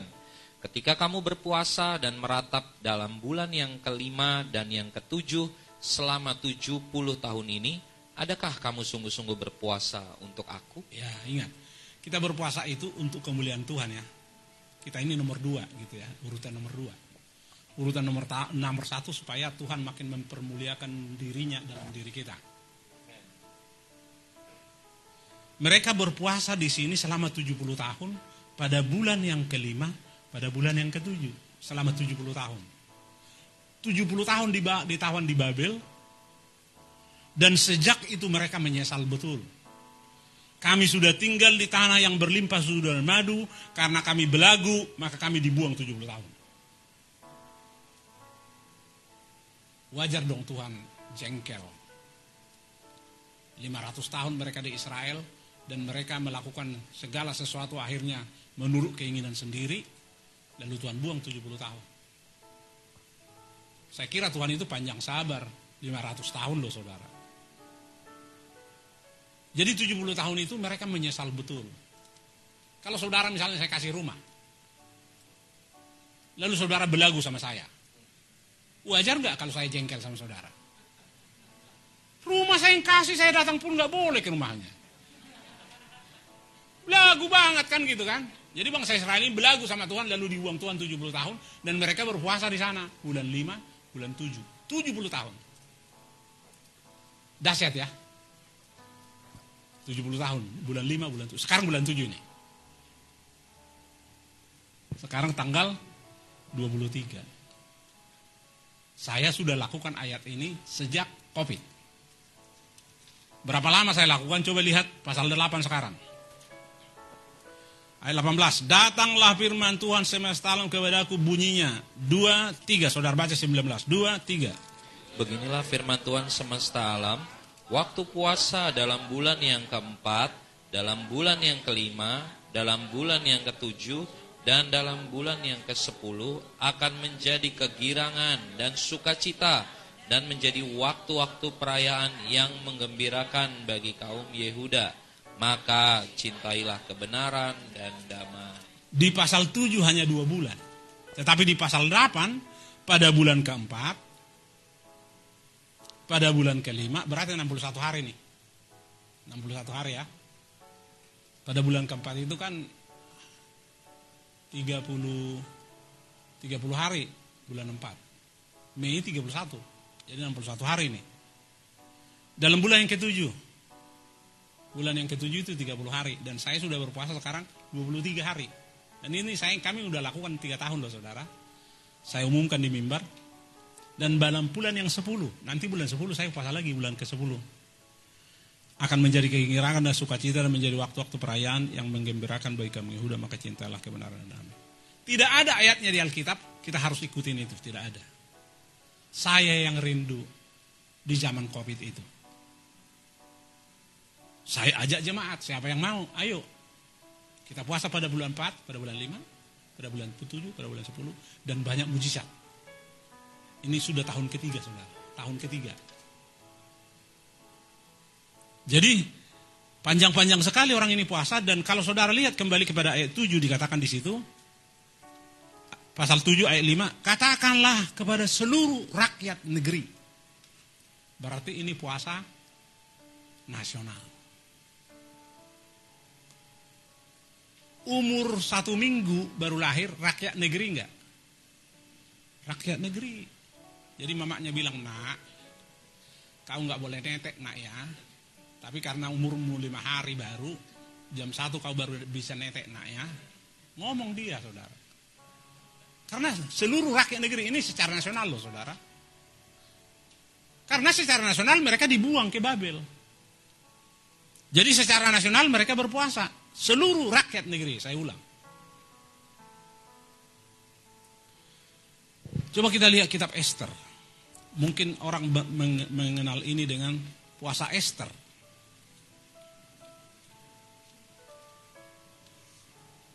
Esther pasal 4 ayat 15 maka Esther menyuruh menyampaikan jawab ini kepada Mordekai. Esther ada di Puri Susan di istana. Karena raja waktu itu memecat permaisuri karena diundang untuk datang permaisuri nggak mau. Lalu dipecat lalu dibikin sayembara siapa yang mengganti permaisuri dan salah satu adalah Esther di sana dan kalau kita baca ayat-ayat sebelumnya rupanya di Babel itu ada seorang Perdana Menteri namanya Haman. Kalau dia lewat, orang harus berlutut. Mordekai nggak mau berlutut. Kenapa Mordekai tidak mau berlutut? Karena dia orang Yahudi. Lututnya orang Yahudi hanya untuk Allah saja. Sampai hari ini. Nggak bisa ke yang lain. Lalu orang membujuk Mordekai. Kau berlutut aja lah kalau dia lewat. Apa suara? Apa salahnya sih berlutut? Yang penting hatimu enggak. Mereka enggak mau sudah. Kita enggak boleh berkata, yang penting hati saya enggak. Saya pernah layanin seseorang yang kemudian menjadi gila. Waktu dia gila kami diundang, dia sudah telanjang, maaf, dia sudah telanjang ke mana-mana. Padahal S2. Di satu instansi kepemerintahan, dia mau naik pangkat, dipaksa dia harus jadi Islam. Jahat loh kadang-kadang negara kita ini. Dan dia berkata, ya udahlah, yang penting hatiku enggak. Jadi dia kerudungan, saudara. Akibat dari situ, mulai dia nggak bisa tidur, mulai kacau pikirannya, akhirnya gila. Jadi kita nggak bisa berkata, yang penting hatiku enggak. Nggak apa-apa, kerudungan nggak apa-apa. Nggak boleh, saudara. Kita harus sama di dalam dengan di luar. Itu namanya integrity mulut dengan dengan perbuatan harus sama. Jadi Haman dibujuk, berlutut aja, berlutut aja, dia nggak mau. Mordekai maksud saya. Akhirnya sama Haman marah. Mordekai ini harus kumatikan nih. Tapi terlalu kecil aku, aku melawan Mordekai. Lalu diselidikinya bangsa apa sih Mordekai ini? Eh bangsa Yahudi. Dia bilang saya akan binasakan orang bangsa Yahudi di 127 negara. Waktu itu Babel menguasai 127 negara. Jadi ditetapkan tanggalnya, di, diberikan syarat-syaratnya kepada raja, diberikan perak kepada raja, dan kemudian ditetapkanlah bangsa Israel untuk dibunuh. Jadi ayat 15, maka Esther menyuruh menyampaikan jawab ini kepada Mordekai. Mordekai itu ayahnya dia, ayahnya Esther, ayah ayah angkatnya. Ayat 16 saudara baca, 2, 3 kumpulkanlah semua orang Yahudi yang terdapat di Susan dan berpuasalah untuk aku. Janganlah makan dan janganlah minum tiga hari lamanya, baik waktu malam, baik waktu siang.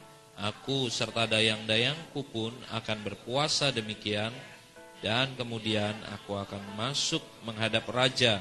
Sungguh pun berlawanan dengan undang-undang, kalau terpaksa aku mati, biarlah aku mati. Jadi Esther menyuruh didukung dia di dua puasa. Bertemu dengan raja hanya dipanggil. Kalau nggak dipanggil hukumannya cuma satu, mati. Jadi Esther kan nggak dipanggil. Itu sebabnya kalau aku nanti menghadap raja dan kemudian jadi mati ya sudah mau diapain. Kecuali raja mengulurkan tongkat emas. Hanya itu. Jadi Esther bilang, pergilah kumpulkanlah semua orang Yahudi. Semua orang Yahudi Berarti secara nasional. Sekali lagi, yang berumur satu hari pun puasa. Karena orang Yahudi. Jadi tidak ada yang terlalu tua berpuasa, tidak ada yang terlalu muda. Ya. Pergilah kumpulkanlah semua orang Yahudi yang terdapat di Susan dan berpuasalah untuk aku. Janganlah makan dan janganlah minum tiga hari lamanya. Tidak makan dan tidak minum tiga hari tiga malam. Ini yang terkenal dengan sebutan puasa Esther. Baik waktu malam, baik waktu siang, aku serta dayang-dayang kubun akan berpuasa demikian. Kemudian aku akan masuk menghadap raja, sungguh pun berlawanan dengan undang-undang. Kalau terpaksa aku mati, biarlah aku mati. Maka pergilah Mordekai dan diperbuatnya tepat seperti yang dipesankan Esther kepadanya. Jadi dua puasa seluruh bangsa Israel.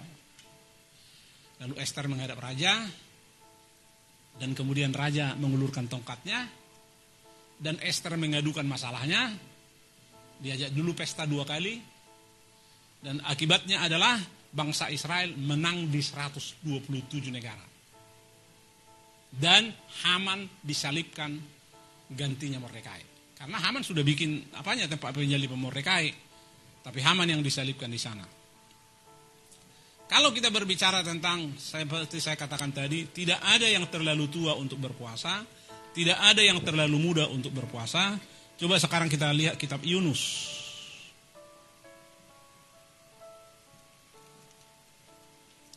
Kitab Yunus. Yunus pasal 3.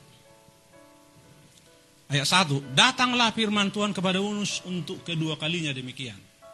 Yang pertama Tuhan suruh Yunus ke Niniwe. Dia lari ke Tarsis. Niniwe itu pegunungan sampai sekarang itu masih pegunungan juga sampai sekarang ini itu antara antara Irak dengan Israel itu Niniwe. Disuruh ke Niniwe sama Tuhan nggak mau, dia pergi ke Tarsis. Ke pantai, Tarsis itu pantai. Jadi dia naik kapal, dia harus bayar tiket. Kalau kita jauh dari Tuhan itu yang pertama bocor dompet. Dompetnya bocor karena dia harus beli tiket. Dia pergi ke Tarsis. Setelah dia pergi ke Tarsis, Alkitab katakan kapal itu ditimpus gelombang. Datang taifun, datang badai. Lalu kapal itu mau tenggelam. Lalu dibuanglah muatan-muatannya supaya lebih ringan. Dalam kondisi seperti itu, nahodanya turun memeriksa orang, eh Yunus ketiduran di bawah. Dan dia bilang, kami sudah mau mati semua, kau bisa tidur enak di sini. Berseru kepada Allahmu, jangan-jangan dia tolong kita. Yunus bilang, aku yang salah. Lemparkan aku ke laut, maka laut akan tenang. Karena aku disuruh Tuhan ke Nineveh, tapi aku lari ke Tarsis, nggak mau aku katanya. Kapten ini berpikir, ini kan manusia ini. Masa dilemparkan di tengah laut? Jadi dia berupaya ke pinggir. Tapi badainya makin kencang. Gak ada jalan keluar. Lalu dibuanglah Yunus ke laut. Dan kemudian ditelan ikan. Bukan dimakan, kalau dimakan dikunyah, selesai. Ditelan. Setelah ditelan, ikannya puasa tiga hari tiga malam. Kalau dia makan, mungkin yang memakan, mungkin yang menelan Yunus itu ikan paus barangkali. Ikan paus itu bisa sebesar Boeing 737. Kalau saudara naik pesawat dari sini ke Medan, pesawatnya Boeing 737 sebesar itu ikan paus. Bisa sampai 100 ton. Setelah ditelannya Yunus, kalau dia makan, Taruhlah dia sekali makan 50 kg ikan teri.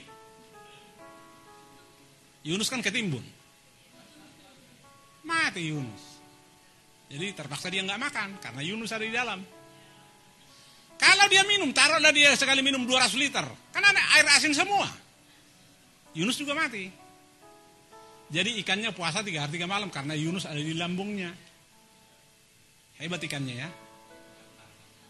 Hebat. Luar biasa saudara. Yunus juga puasa, makan apa dia?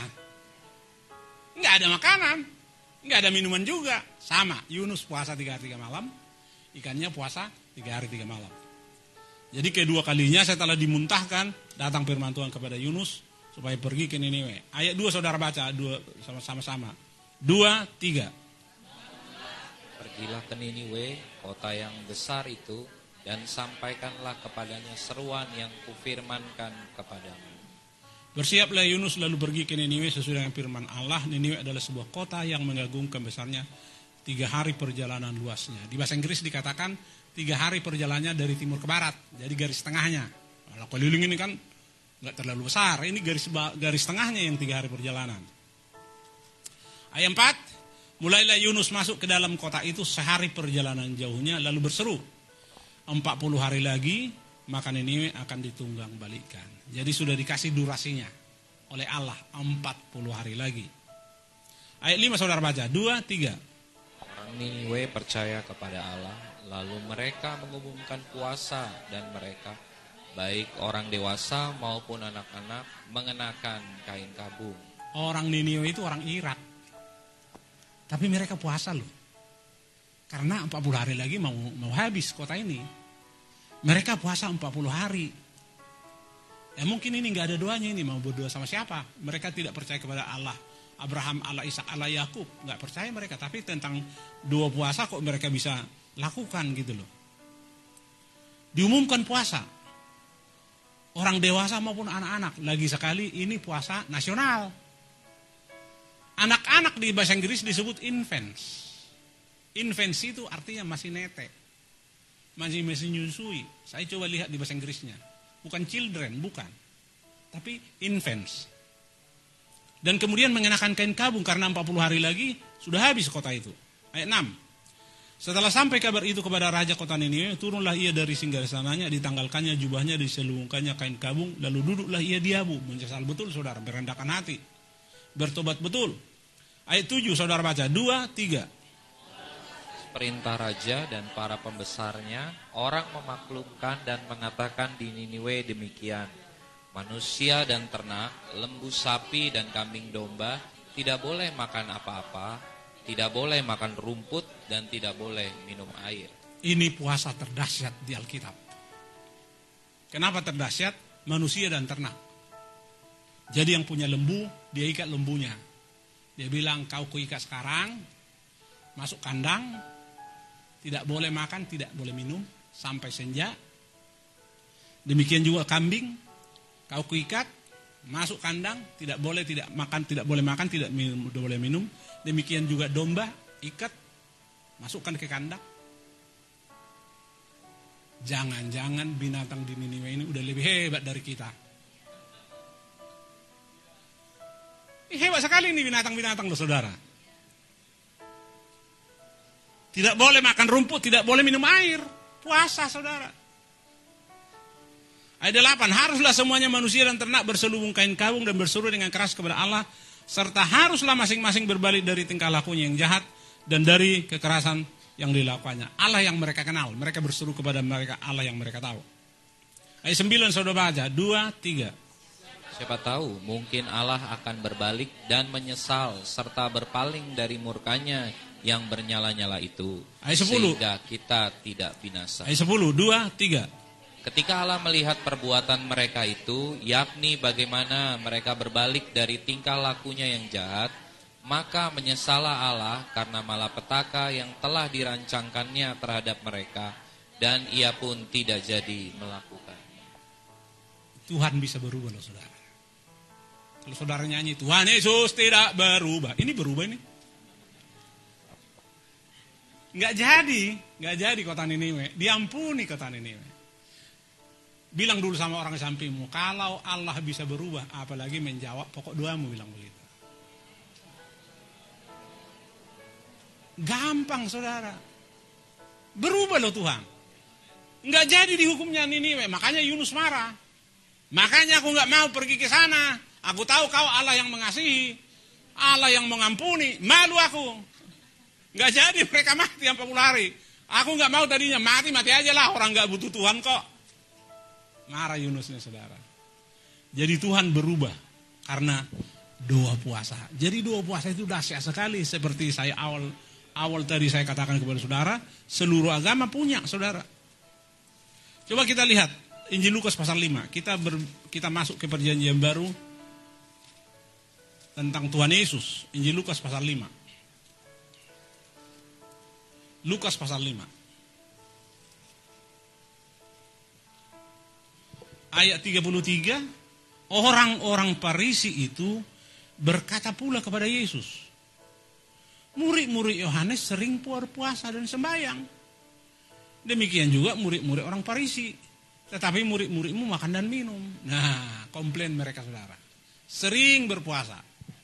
Kalau tiga kali seminggu nggak sering lah. Kalau empat kali seminggu baru sering. Itu kira-kira. Sering puasa. Jadi bukan hal yang yang asing sama mereka. Ayat 34 saudara baca. Dua, tiga. Mereka, sahabat mempelai laki-laki disuruh berpuasa, sedang mempelai itu bersama mereka. Nah, Tuhan Yesus bilang, mempelai laki-laki ada bersama dengan mereka. Saya. Saya ada bersama dengan murid-murid itu. Saya mempelai laki-laki, mereka mempelai wanita. Makannya itu seperti di resepsi pernikahan. Kenapa? Naik gunung turun gunung penginjilan supaya supaya supaya cukup gizinya. Jadi nggak mungkin mereka puasa kata Tuhan Yesus. Mereka habis-habisan kok pelayanan. Mempelai laki-laki dan mempelai perempuan itu masih bersama dengan mereka mempelai laki-laki. Ayat 35 saudara baca. Dua, tiga. Tetapi akan datang waktunya apabila mempelai itu diambil dari mereka, pada waktu itulah mereka akan berpuasa. Mempelai sudah diambil. Sudah disalibkan. Sudah naik ke sorga. Pada waktu itulah mereka berpuasa. Jadi kapan kita berpuasa? Waktu hari ini hari yang tepat berpuasa. Besok hari yang tepat berpuasa. Lusa hari yang tepat berpuasa. Kenapa? Mempelai sudah pergi, sudah di sorga. Nanti dia akan datang kali kedua. Selama mempelai ada di sorga, waktu yang tepat berpuasa untuk kita. Saya mau beritahu kita bahwa kita ini jadi Kristen karena ada orang puasa untuk kita. Ribuan tahun yang lalu. Coba kita lihat kisah Rasul pasal 13. Kita mau buktikan. Benar nggak kita ini jadi orang Kristen karena orang berpuasa? Kisah Rasul pasal 13 ayat 1. Pada waktu itu dalam jemaat di Antioquia, Antioquia sekarang ini Turki, ada beberapa nabi dan pengajar, yaitu Barnabas dan Simeon yang disebut Niger, Niger ini maksudnya Negro, dan Lukius orang Kirene, dan Menahem yang diasuh bersama dengan Raja wilayah Herodes dan Saulus. Ayat 2 saudara baca, 2, 3. Pada suatu hari ketika mereka beribadah kepada Tuhan dan berpuasa, berkatalah roh kudus, khususkanlah Barnabas dan Saulus bagiku untuk tugas yang telah kutentukan bagi mereka. Mereka ada ibadahnya, ibadah dua puasa namanya. Di dalam ibadah dua puasa itu roh kudus ngomong, Barnabas dan Saulus itu khususkan untuk saya. Pergi ke bangsa lain. Petrus itu ke orang bersunat, ke orang Israel. Tapi Paulus itu ke bangsa lain. Lewat dua puasa. Saya sudah katakan kepada saudara tadi, menurut Alkitab, puasa itu sampai senja. Ya. Karena ada orang orang puasa, jam 12 sudah buka. Nah, itu namanya nggak sarapan pagi. Iya kan? Ada orang puasa jam 1 udah buka, itu namanya agak terlambat makannya.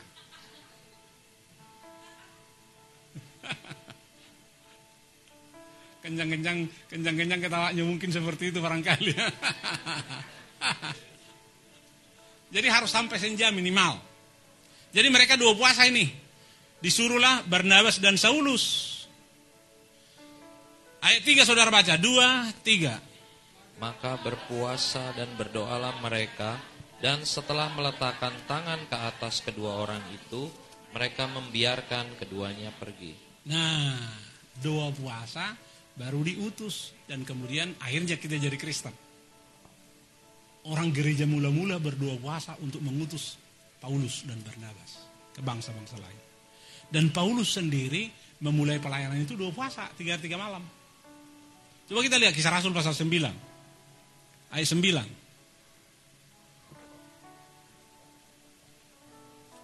Satu orang boleh baca dengan suara keras. Kisah Rasul 13 ayat yang ke-9. Tetapi Saulus yang disebut Paulus yang penuh dengan Roh Kudus. Kisah Rasul 9. Ayat 9. Kisah Rasul 9 ayat yang ke-9. Tiga hari lamanya ia tidak dapat melihat dan tiga hari lamanya ia tidak makan dan minum. Nah, Rasul Paulus itu puasa tiga hari tiga malam. Baru baru pergi berpuasa, baru pergi pelayanan, saudara. Tiga hari tidak makan, tiga hari tidak minum. Baik waktu siang, baik waktu malam. Setelah dibaptis, lalu kemudian dia puasa tiga hari tiga malam, baru dia pelayanan. Dan setelah dia pergi pelayanan ke luar negeri, jemaat juga puasa. Ditumpang tangan, diutus. Itulah sebabnya seperti saya katakan tadi ini, kita ini jadi orang Kristen karena ada orang berpuasa untuk kita. Coba kita lihat Yoel pasal 2. Yoel pasal 2 mulai ayat 12 kita baca. Yoel pasal 2 seruan untuk bertobat. Tetapi sekarang juga demikianlah firman Tuhan, berbaliklah kepadaku dengan segenap hatimu, dengan berpuasa, dengan menangis, dan dengan mengadu. Jadi berpaling kepada Tuhan itu salah satunya lewat dua puasa saudara. Ayat 13 saudara baca, dua, tiga. Koyakanlah hatimu dan jangan pakaianmu, berbaliklah kepada Tuhan Allahmu, sebab ia pengasih dan penyayang, panjang sabar dan berlimpah kasih setia, dan ia menyesal karena hukuman. Siapa tahu mungkin ia mau berbalik dan menyesal dan ditinggalkannya berkat menjadi korban sajian dan korban curahan bagi Tuhan Allahmu. Dua, tiga. Tiuplah sangkakala di Sion, adakanlah puasa yang kudus, maklumkanlah perkumpulan raya. Nah, ada seruan di Sion, di Jerusalem. Adakan puasa yang kudus. Jadi puasa itu kudus di mata Tuhan. Itu ibadah yang kudus di mata Tuhan. Tidak saya tidak saya dapatkan di Alkitab ibadah minggu, ibadah kudus, nggak ada. Tapi puasa, ibadah kudus, puasa yang kudus. Maklumkanlah perkumpulan raya, ada ibadahnya. Ibadah dua puasa bersama-sama. Ayat 16, kumpulkanlah bangsa ini, sekali lagi ini doa puasa nasional. Umur satu hari pun bangsa Israel juga, kuduskanlah jemaah, jadi menguduskan kita itu bisa lewat firman Tuhan, bisa lewat darah Yesus, bisa lewat doa puasa saudara. Himpunkanlah orang-orang yang tua, 100 tahun, 120 tahun, kumpulkanlah anak-anak, bahkan anak-anak yang menyusu. Nah, sekali lagi, tidak ada yang terlalu tua berpuasa, tidak ada yang terlalu muda. Baiklah pengantin laki-laki keluar dari kamarnya dan pengantin perempuan dari kamar tidurnya. Doa puasa lebih penting daripada pengantin, saudara. Pengantin itu keluar dari kamar, pengantin baru itu, ya aktivitasnya, maaf, kita semua orang dewasa aktivitas seksnya bisa sewaktu-waktu, saudara. Karena pengantin baru, tapi disuruh keluar untuk dua puasa, saudara. Jadi saya ulang kembali, tidak ada orang yang terlalu tua berpuasa tidak ada yang terlalu muda untuk berpuasa. Sedikit lagi coba kita lihat Injil Lukas pasal 18. Lukas pasal 18.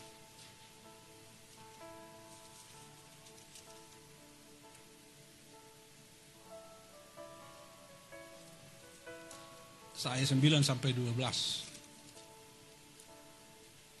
Perumpamaan tentang orang perisi dengan pemungut cukai dan kepada beberapa orang yang menganggap dirinya benar dan memandang rendah semua orang lain, Yesus mengatakan perumpamaan ini. Dua, tiga.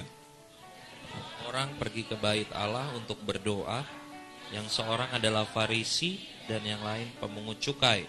Orang Farisi itu berdiri dan berdoa dalam hatinya begini, Ya Allah, aku mengucap syukur kepadamu, karena aku tidak sama seperti semua orang lain, bukan perampok, bukan orang lalim, bukan pejina, dan bukan juga seperti pemungut cukai. Ini, dua, tiga. Aku berpuasa dua kali seminggu, aku memberikan sepersepuluh dari segala penghasilanku. Jadi orang Parisi itu berpuasa dua kali seminggu, saudara. Ada orang bilang orang Katolik Senin Kamis gitu ya. Ini dua kali seminggu orang Parisi, ditulis di Alkitab. Coba kita lihat apa jawab Tuhan Yesus, Matius pasal 5. Matius pasal 5 kita baca ayat 20. Sama-sama dua, tiga. Maka aku, berkata, kepadamu, jika, jika hidup keagamaanmu tidak lebih benar daripada hidup keagamaan ahli-ahli Taurat dan orang-orang Farisi, sesungguhnya kamu tidak akan masuk ke dalam kerajaan sorga. Jadi untuk masuk sorga menurut Tuhan Yesus di Injil Matius pasal 5, kita harus melewati orang Farisi. Kita harus lebih berkualitas dari orang Parisi. Kalau orang Parisi puasa dua kali seminggu, ya kita tiga kali dong. Baru lewat orang Parisi. Oke, kalau kedua hari misalnya orang Parisi karena hukum, kita dua hari karena mengasihi Tuhan. Jadi lebih berkualitas. Tapi har harinya masih sama dua hari. Kualitasnya aja lebih bagus karena kita karena mengasihi Tuhan. Jadi tidak bisa masuk surga kecuali lewat orang Parisi kualitas kita menurut Tuhan Yesus, menurut Injil Matius pasal 5 ayat 20. Coba kita ke pasal 10 Injil Matius. Pasal 10. Injil Matius pasal 10 kita baca ayat 38. Dua, tiga. Barang siapa tidak memikul salibnya dan mengikut aku, ia tidak layak. Barang siapa termasuk saudara. Saya. Tidak layak bagi Tuhan kalau tidak memikul salib. Salib kita yang paling dekat adalah pagi-pagi kita bangun, kita lapar. Pagi-pagi kita bangun, bangun, kita haus. Itu salib kita yang terdekat. Pikul itu. Aku akan berpuasa memikul salib. Menyangkali diri dan berdoa. Kalau begitu aku nggak layak sama Tuhan kalau nggak begitu. Kita harus memikul salib kita. Kita terikat yang positif. Makanan dan minuman kita terikat. Dan kita harus lawan itu dengan doa dan puasa. Kita harus salibkan itu. Manusia itu terikat dengan dua hal. Ada yang negatif, ada yang positif. Yang positif ya makan dan minum, kita terikat. Dan itu secara natural, saudara. Tapi Alkitab katakan kita perlu mengikul, memikul salib. Itu salib kita. Coba kita pasal ke pasal 16 ayat 24. Karena di situ dikatakan tadi barang siapa ya? Sekarang ayat 24. Tuhan Yesus bicara lebih rinci lagi. Ayat 12 ayat 24 sama-sama Matius pasal 20, 16. 2 3. Lalu Yesus berkata kepada murid-muridnya, "Setiap orang yang mau mengikut aku, ia harus menyangkal dirinya, memikul salibnya dan mengikut aku." Setiap orang, termasuk saya, termasuk saudara. Setiap orang. Tadi dari barang siapa katanya. Tapi sekarang setiap orang kalau mau ikut Yesus harus menyangkal dirinya. Bukan disebut akan, harus menyangkal dirinya dan memikul salibnya dan mengikut aku.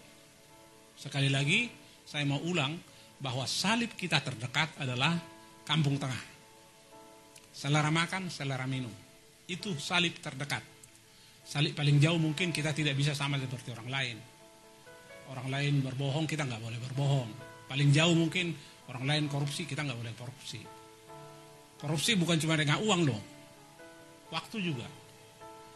Kantor kita tutup jam 4, jam setengah 4 kita sudah keluar. Itu namanya korupsi waktu juga. Korupsi itu, waktu. Di Amerika diadakan diadakan survei. Survei. Orang yang bawa stasioneri dari kantor, ada yang bawa kertas, ada yang bawa stabilo dari kantor, ada yang bawa pena, ada yang bawa penggaris. Itu miliaran per tahun. Mungkin hanya pensil dibawa, tapi itu milik kantor loh saudara itu namanya juga mencuri. Jadi kalau kita mau mengikut Tuhan, puasa adalah sesuatu yang harus kita lakukan. Jadi hari ini saya tantang saudara mulai berpuasa. Dan harus konsekuen. Harus pegang janji, minimal sampai senja. Dan mulailah mulailah saudara berdoa saudara, berpuasa. Kalau saudara melihat misalnya eh, Raja Daud, Raja Daud itu itu lebih kurus dari dulu dulu pernah kita punya pejabat Ali Said. Ali Said itu kurus krempek. Raja Daud itu masih lebih kurus dari Jokowi. Karena ayatnya di Alkitab berkata, aku meremukkan diriku dengan berpuasa. dan lemak-lemakku habis katanya. Jadi hari ini puasa itu secara rohani sangat powerful, sejarah jasmani menolong kita. Yang darah tinggi, kalau saudara puasa 6, 61 hari, yang darah tinggi jadi darah rendah loh saudara. Yang sakit gula jadi normal. Yang overweight jadi jadi apa namanya proporsional. Saya akan tutup firman Tuhan ini dengan satu kesaksian. Banyak kesaksian tentang puasa, tapi mau saya saksikan satu orang ibu yang gula darahnya sudah 580. Sakit gula. Dan waktu dia ke dokter, dokter bilang, kau nggak pingsan pun udah bagus ini. Dan dokter bilang kalau sudah begini kondisinya, ya siap-siaplah untuk pulang, kata dokter saudara.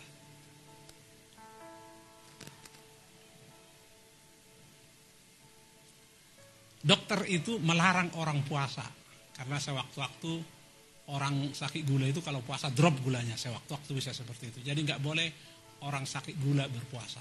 Tapi ibu ini bilang, waktu dia bertemu dengan saya sudah sekitar hampir 60 tahun umurnya, dia bilang saya lebih percaya Alkitab daripada siapa pun. Jadi saya dia mulai berdoa puasa. Pertama dia puasa 40 hari, buka-buka sore. Dia rasa makin enak. Jadi waktu bertemu dengan saya itu, itu sudah tahun ketiga dia puasa 40 hari. Sudah tahun ketiga.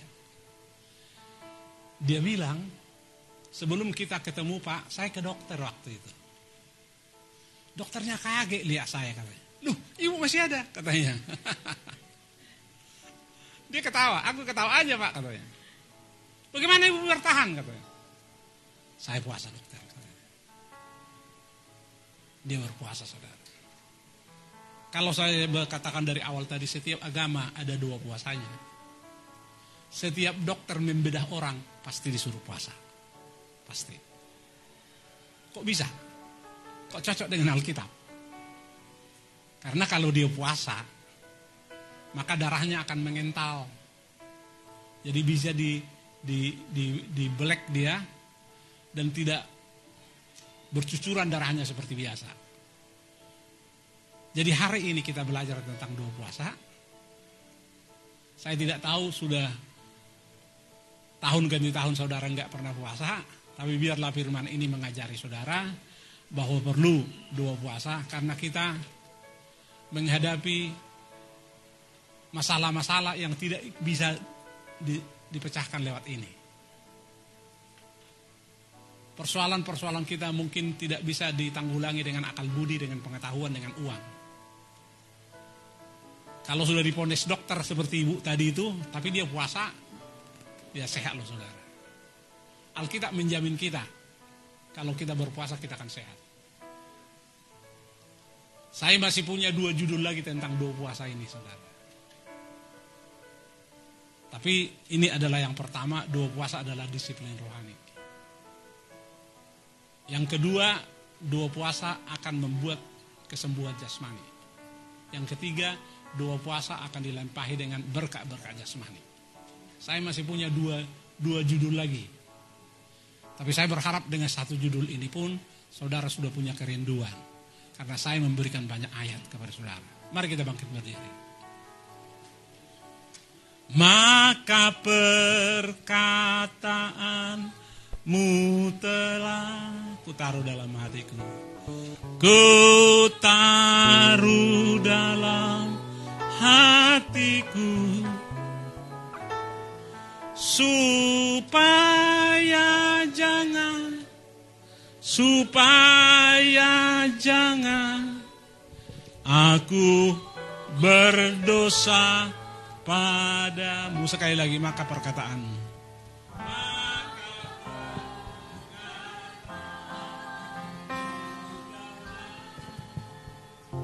Haleluya taruh dalam hatiku.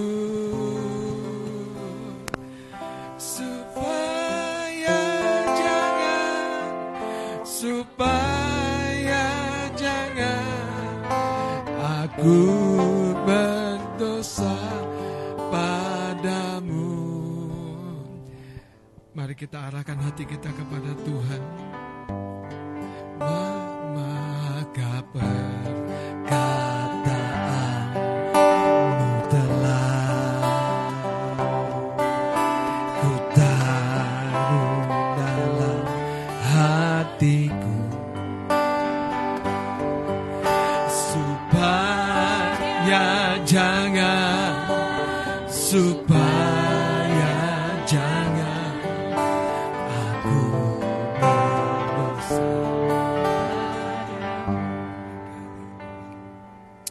Terima kasih Tuhan. Kami mau menyembah Engkau lebih dalam lagi. Perkataanmu telah ku taruh dalam hatiku. Kami buka hati kami Tuhan. Engkau yang taruh perkataan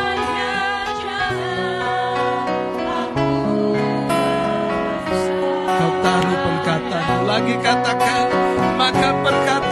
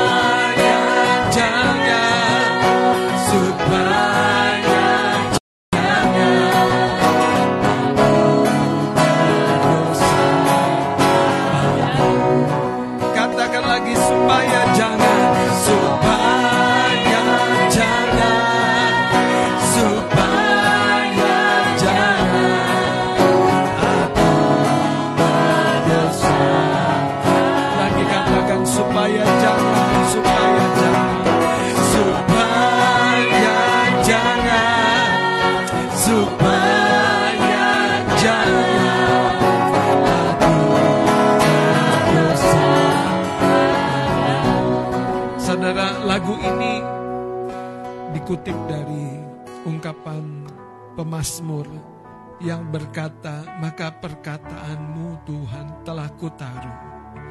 Ada satu sikap yang sungguh-sungguh menaruh firman Allah. Menaruh firman Allah di dalam hati kita. Kenapa firman perlu ditaruh di dalam hati kita? Karena hati kita adalah pusat dari kehidupan kita. Di sana ada hal-hal yang mengendalikan hidup kita. Ketika firman Allah kita taruh di hati kita, kecenderungan hati kita dikendalikan oleh firman. Kecenderungan hati kita diterangi oleh firman. Kecenderungan hati kita yang negatif tidak lagi berkuasa membawa kita jatuh dalam kebodohan dan kesalahan-kesalahan. Namun kecenderungan hati kita yang positif akan dikuatkan oleh firman. Pagi hari ini saya sangat diberkati oleh firman yang telah disampaikan. Dan ini menggenapi apa yang Tuhan rancangkan bagi gereja kita.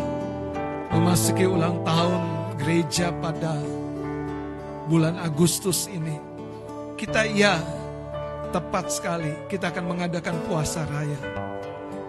Dan di dalam puasa itu Alkitab yang berjanji dia akan memulihkan negeri kita. Dia akan membuka pintu-pintu yang tertutup. Dia akan membuat apa yang celaka menjadi bahagia. Dia akan membuat apa yang sukar menjadi lebih mudah. Kalau Tuhan sendiri berkata, jenis ini tidak bisa kecuali dengan doa dan puasa. Mari murid-murid Tuhan,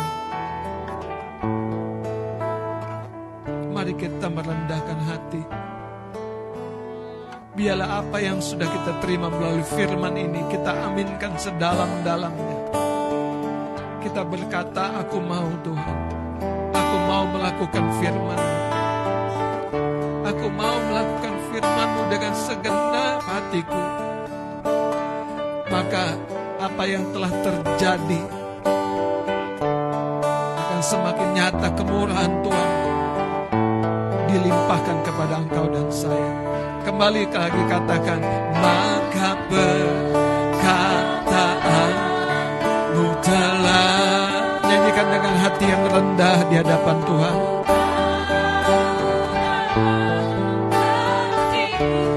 Bukan karena engkau sudah berpuasa, pernah berpuasa.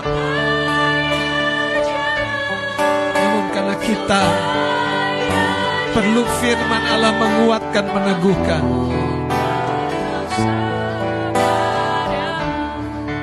Maka perkataanmu, maka perkataanmu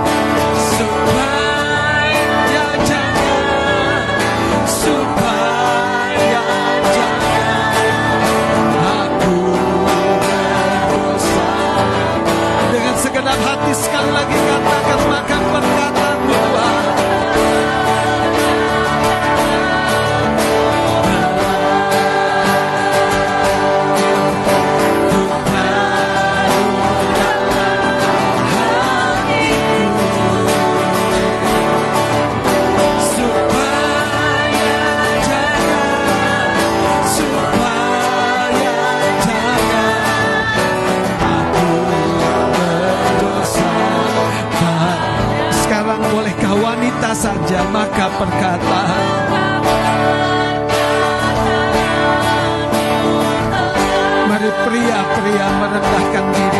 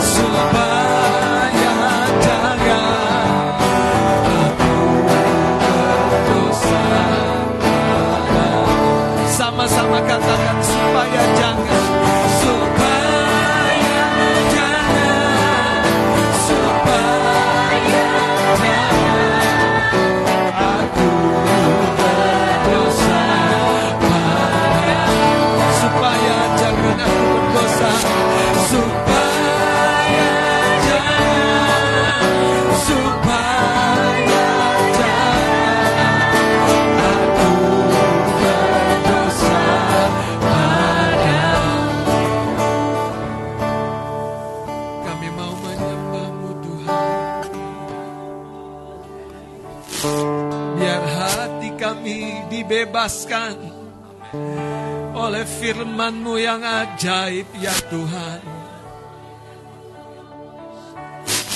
Haleluya, haleluya kami percaya Engkau tetap ya dan amin dengan firman-Mu. Sikarana manarana mayasane. Hina madarana madarana maya sikarala manarala. Hiyarena manarana manarasande. Hiyana manarana manarana manarana masa. Hiyarena motoro motoro musikarala manarala manarala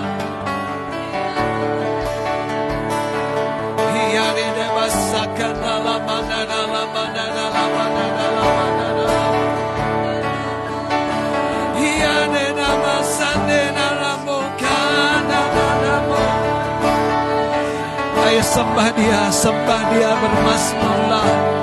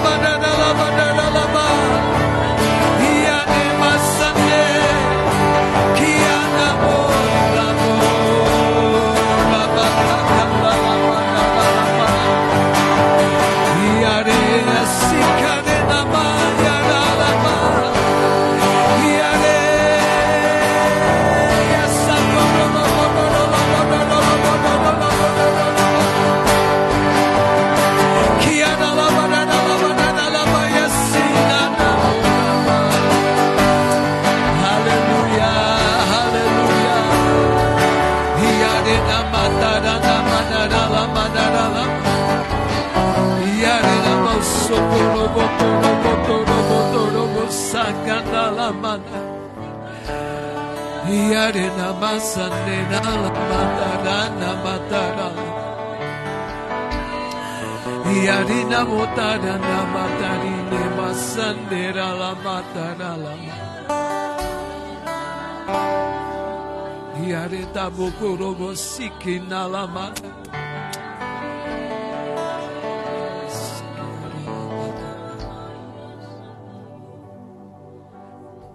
Masing-masing di tempatmu mari merendahkan hati.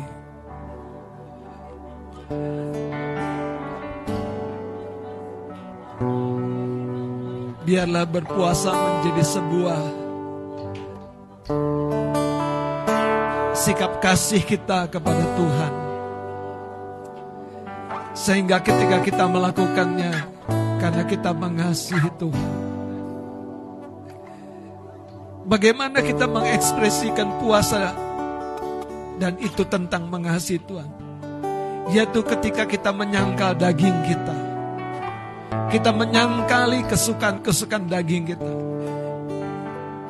Kita menguduskan diri kita kita memberi waktu seperti Maria duduk di kaki Tuhan.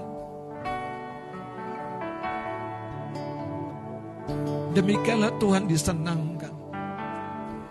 Itu sebabnya ketika berpuasa,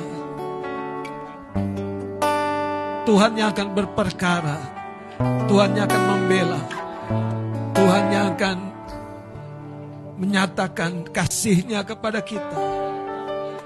Hari ini, kalau engkau mendengar firman Allah dan berkata di dalam hatimu dari dasar hatimu bukan karena ikut-ikutan. Tuhan aku mau berpuasa. Aku mau mulai melakukan firman-Mu. Siapa pun kita di tempat ini. Bersediakah engkau mengangkat tangan kananmu kepada Tuhan, kepada Tuhan, bukan kepada saya. Mengangkat tangan kananmu kepada Tuhan. Mungkin kau sudah terlalu nyaman. Dan ini waktunya kita menyangkali diri kita. Kalau engkau dan saya mau merespon firman Allah ini. Kita mau berkata kepada Tuhan, Tuhan aku mau berpuasa untuk mengasihi engkau. Angkat tangan kananmu. Siapa pun dari dasar hatimu, bukan karena ikut-ikutan. Siapa pun engkau. Bapak Ibu, Sakarataku mabarasik. Hirasik alamatara. Hirasik alamatara.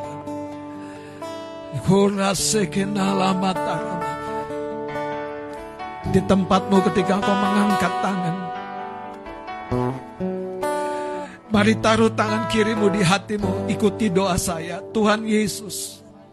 Siang hari ini. Aku taruh perkataanmu. Aku taruh firmanmu di hatiku. Aku mau melakukannya untuk mengasihi engkau. Aku mau berpuasa. Aku mau mengasingkan diriku. Aku mau memisahkan diriku. Aku mau menyangkali daging ini. supaya engkau yang semakin berkarya di dalam kehidupanku. Tuhan Yesus, kasih setiamu yang memampukanku, yang menguatkanku. Aku percaya, aku akan melihat tahun ini akan menjadi tahun pembebasan, tahun kemenangan, tahun terobosan. Enam bulan menuju akhir tahun, aku akan mengalami mujizat demi mujizat. Aku akan mengalami pemulihan demi pemulihan. Aku akan melihat penggenapan janjimu. Aku akan diangkat dan bukan turun. Aku akan menjadi kepala dan bukan ekor. Semua karena kasih karuniamu. Matraikan Tuhan tekadku ini. Matraikan Tuhan tekadku ini. Dan biarlah kehendakmu, kemuliaanmu nyata atas hidupku. Di dalam nama Yesus. Beri tepuk tangan bagi nama Tuhan. Haleluya. Beri yang terbaik bagi dia. Haleluya. Haleluya, haleluya. Haleluya, haleluya. Haleluya, haleluya. Haleluya.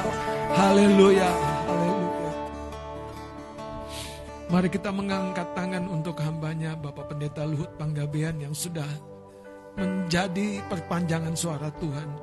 Bapak terima kasih untuk hambamu. Kami kembali melepaskan berkat. Kami tahu ini perlengkapan yang sangat-sangat berguna Tuhan buat kami. Hidup kami akan menjadi tali tiga limba, tiga lembar yang dijalin. Yang sungguh-sungguh kuat dan kokoh. Hari ini pun kami melepaskan berkat untuk hambamu Tuhan.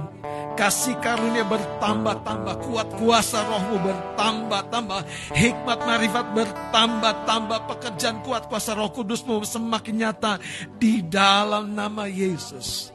Terima kasih Tuhan, segala pujian syukur, hormat bagi namamu saja. Haleluya, amin. Sekali lagi beri tepuk tangan bagi Tuhan Yesus. Puji Tuhan, silahkan duduk Bapak bisa dan kasih oleh Tuhan. Saudara, uh, memang kalau seseorang yang menghidupi, yang menyampaikannya, itu rasanya memang lebih afdol ya. Saya bisa menyampaikan tentang berpuasa. Tapi kalau Pak Luhut yang menyampaikan, saudara itu berbeda sekali. saya bersama beliau sudah cukup panjang, karena beliau hadir waktu pentabisan saya di Ciputat, saudara. Dan Pak Luhut ini salah satu yang menumpangkan tangan kepada saya ketika saya pada waktu itu ditahbiskan sebagai gembala. Dan Pak Luhut ini senior saya yang tidak bisa disangkali saudara senang berpuasa. Kami ngundang makan, tapi sorry ya, saya lagi berpuasa. Dia ikut makan saudara. Ikut ngapain? Ikut nemenin. Yang saya mau ceritakan adalah komitmennya. Jadi kadang-kadang kita tuh nolak-nolak undangan itu nggak enak ya. Ya udahlah batalin dulu. Nanti puasa lagi. Kalau Pak Luhut puasa jalan, ya kongko-kongko jalan juga ya, Mang ya. Itu yang yang saya mau ceritakan artinya gini saudara. Berpuasa itu kalau sudah jadi bagian gaya hidup, kita nggak nggak jadi repot gitu mengelolanya. Dan terima kasih Pak Lut, sangat-sangat diberkati. Sekali lagi beri tepuk tangan buat Tuhan Yesus dong. Amin ya. Kami banyak pergumulan amal. Kami banyak pergumulan. Ada di sini yang tidak ada pergumulan atau sedikit pergumulannya? eh jangan ikut-ikutan. Saya banyak pergumulan. Betul. Dan kalau hari ulang tahun gereja kita tanggal 31 Agustus, memang kita akan lakukan uh, puasa raya dan seperti Amang jabarkan, kita sudah mencanangkan paling tidak 21 hari.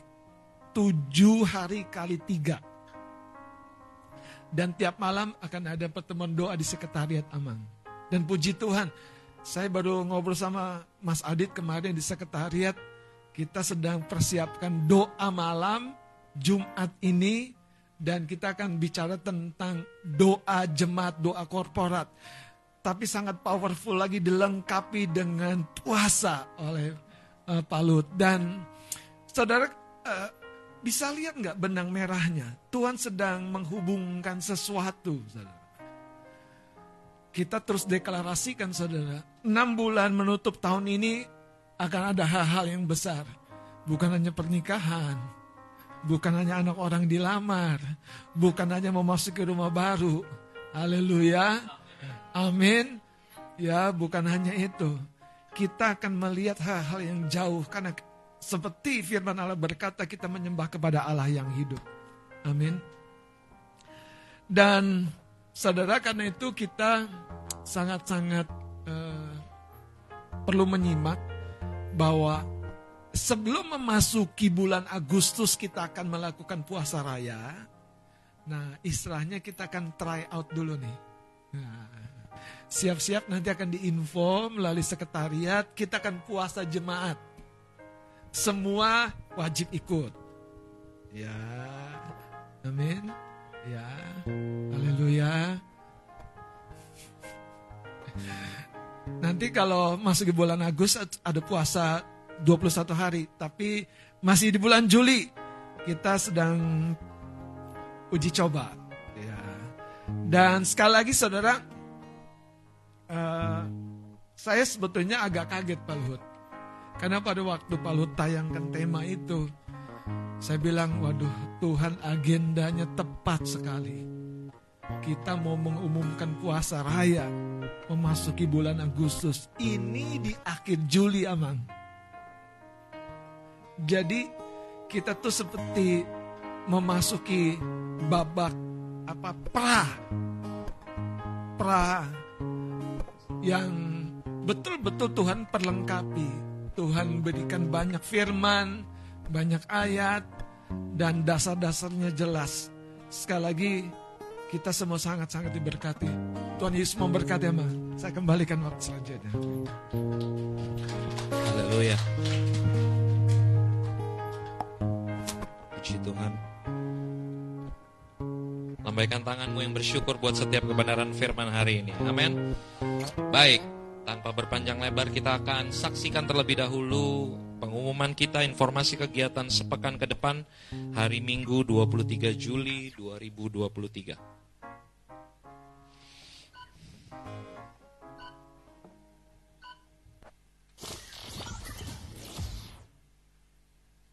Rindukah Anda dilawat Tuhan?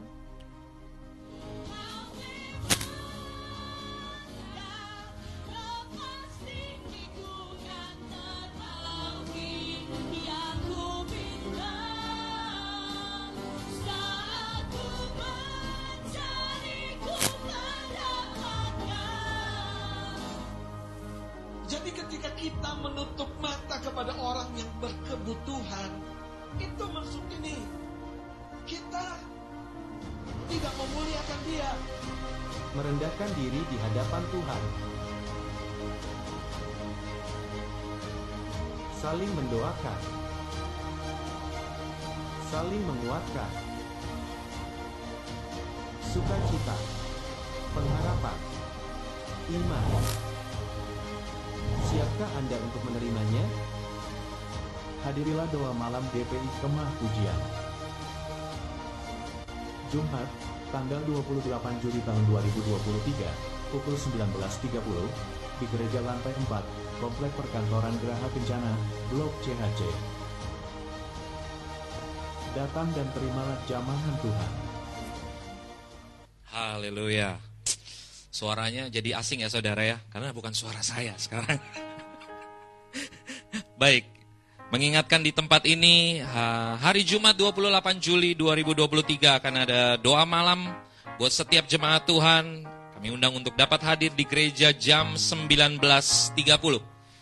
Dan berikutnya ibadah pasutri akan diadakan esok harinya Sabtu 29 Juli di rumah Bapak Horasdo di Emerald Bintaro jam 1 siang.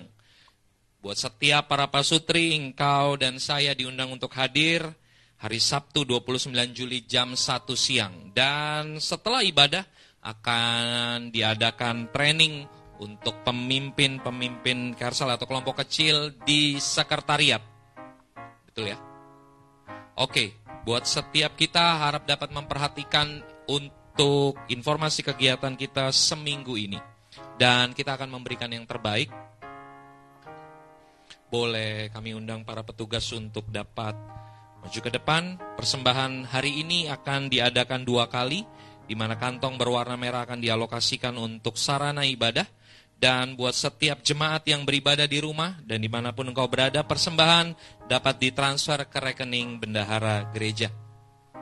Baik, kita datang kepada Tuhan, kita bawa persembahan kita yang terbaik, kami mengucap syukur kepada Tuhan buat kebenaran firman-Mu. Dan kalau hari ini, saat ini kami membawa korban persembahan kami, biar semuanya hanya menyenangkan hati Tuhan. Biar ada ketulusan, biar ada keikhlasan, biar ada hati yang percaya bahwa Engkau menakar tiap-tiap persembahan kami dan semuanya hanya menceritakan tentang hormat kemuliaan nama Tuhan. Terima kasih Tuhan, kami rindu untuk mempersembahkan yang terbaik. Engkau berkati juga Hamba-hambamu yang mengedarkan kantong persembahan bahkan yang mengelola persembahan ini semua dilakukan dalam dedikasi penuh untuk menyenangkan hati Tuhan. Kami siap untuk memberikan yang terbaik. Rasa syukur kami di dalam nama Yesus. Kami bersyukur dan berdoa. Amin. Sambil kita membawa korban persembahan kita, mari kita angkat pujian ini. Kami tahu Tuhan Engkau Allah bekerja dalam segala kebaikan dalam hidup kami. Sama-sama katakan.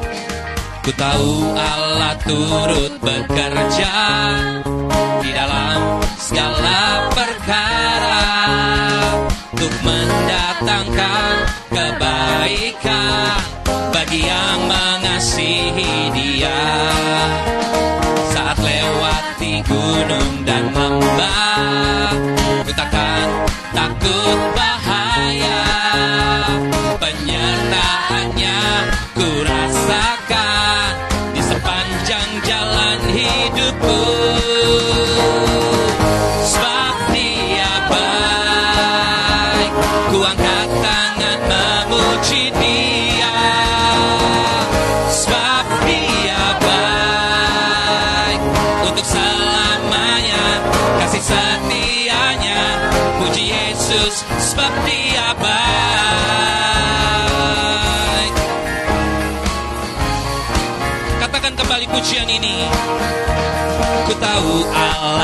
turut bekerja Segala perkara Untuk mendatangkan Bagi yang mengasihi dia. Gunung dan lembah Ku takkan takut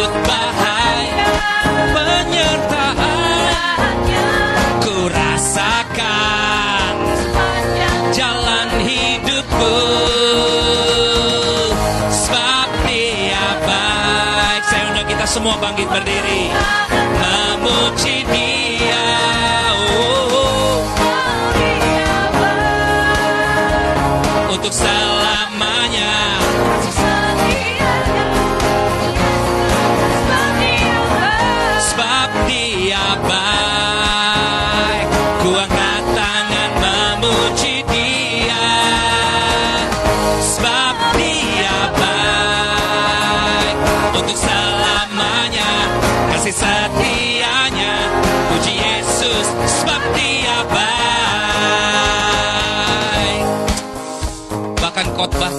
puasa pun percayalah dia baik.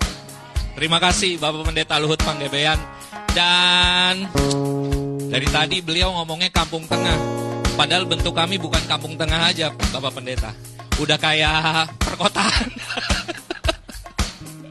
Tapi percaya semua karena Tuhan baik. Amin. Kami juga menyambut buat setiap kita yang baru pertama kali hadir ada saudara sepupunya Mei, betul? Dan juga rekan kampusnya Alona katanya ya. Betul ya? Betul ya. Tuhan Yesus memberkati. Sekalipun khotbahnya puasa, percayalah Tuhan baik. Amin.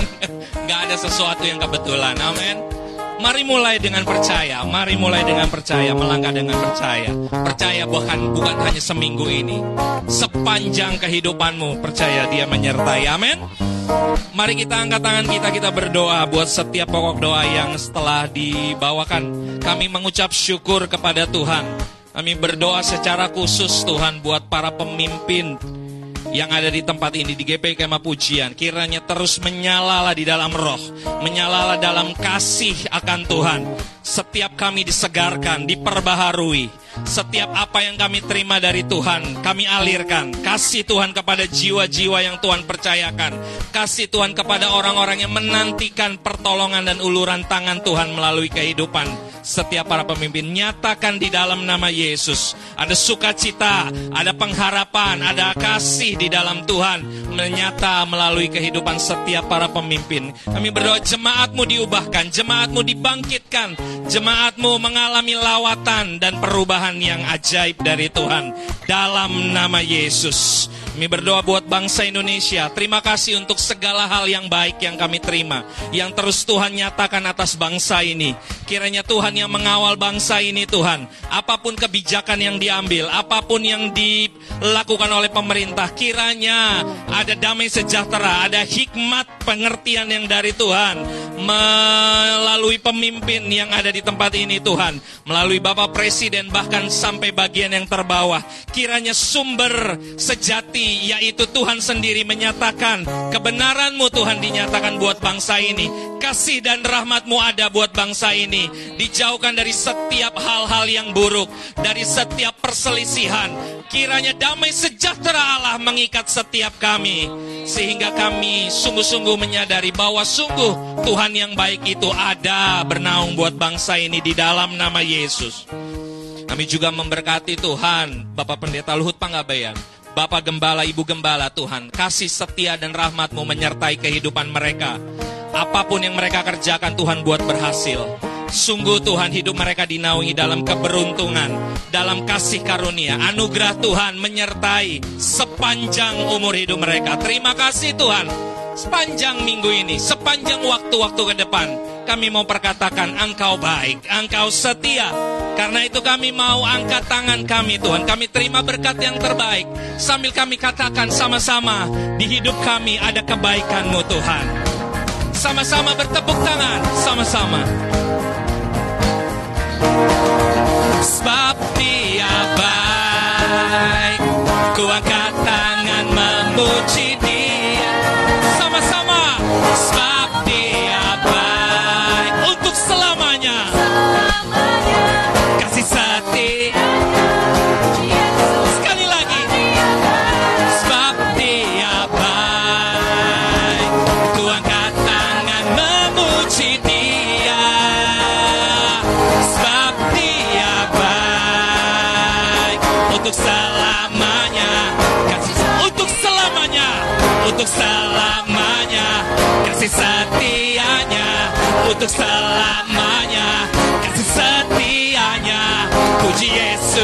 Sebab dia baik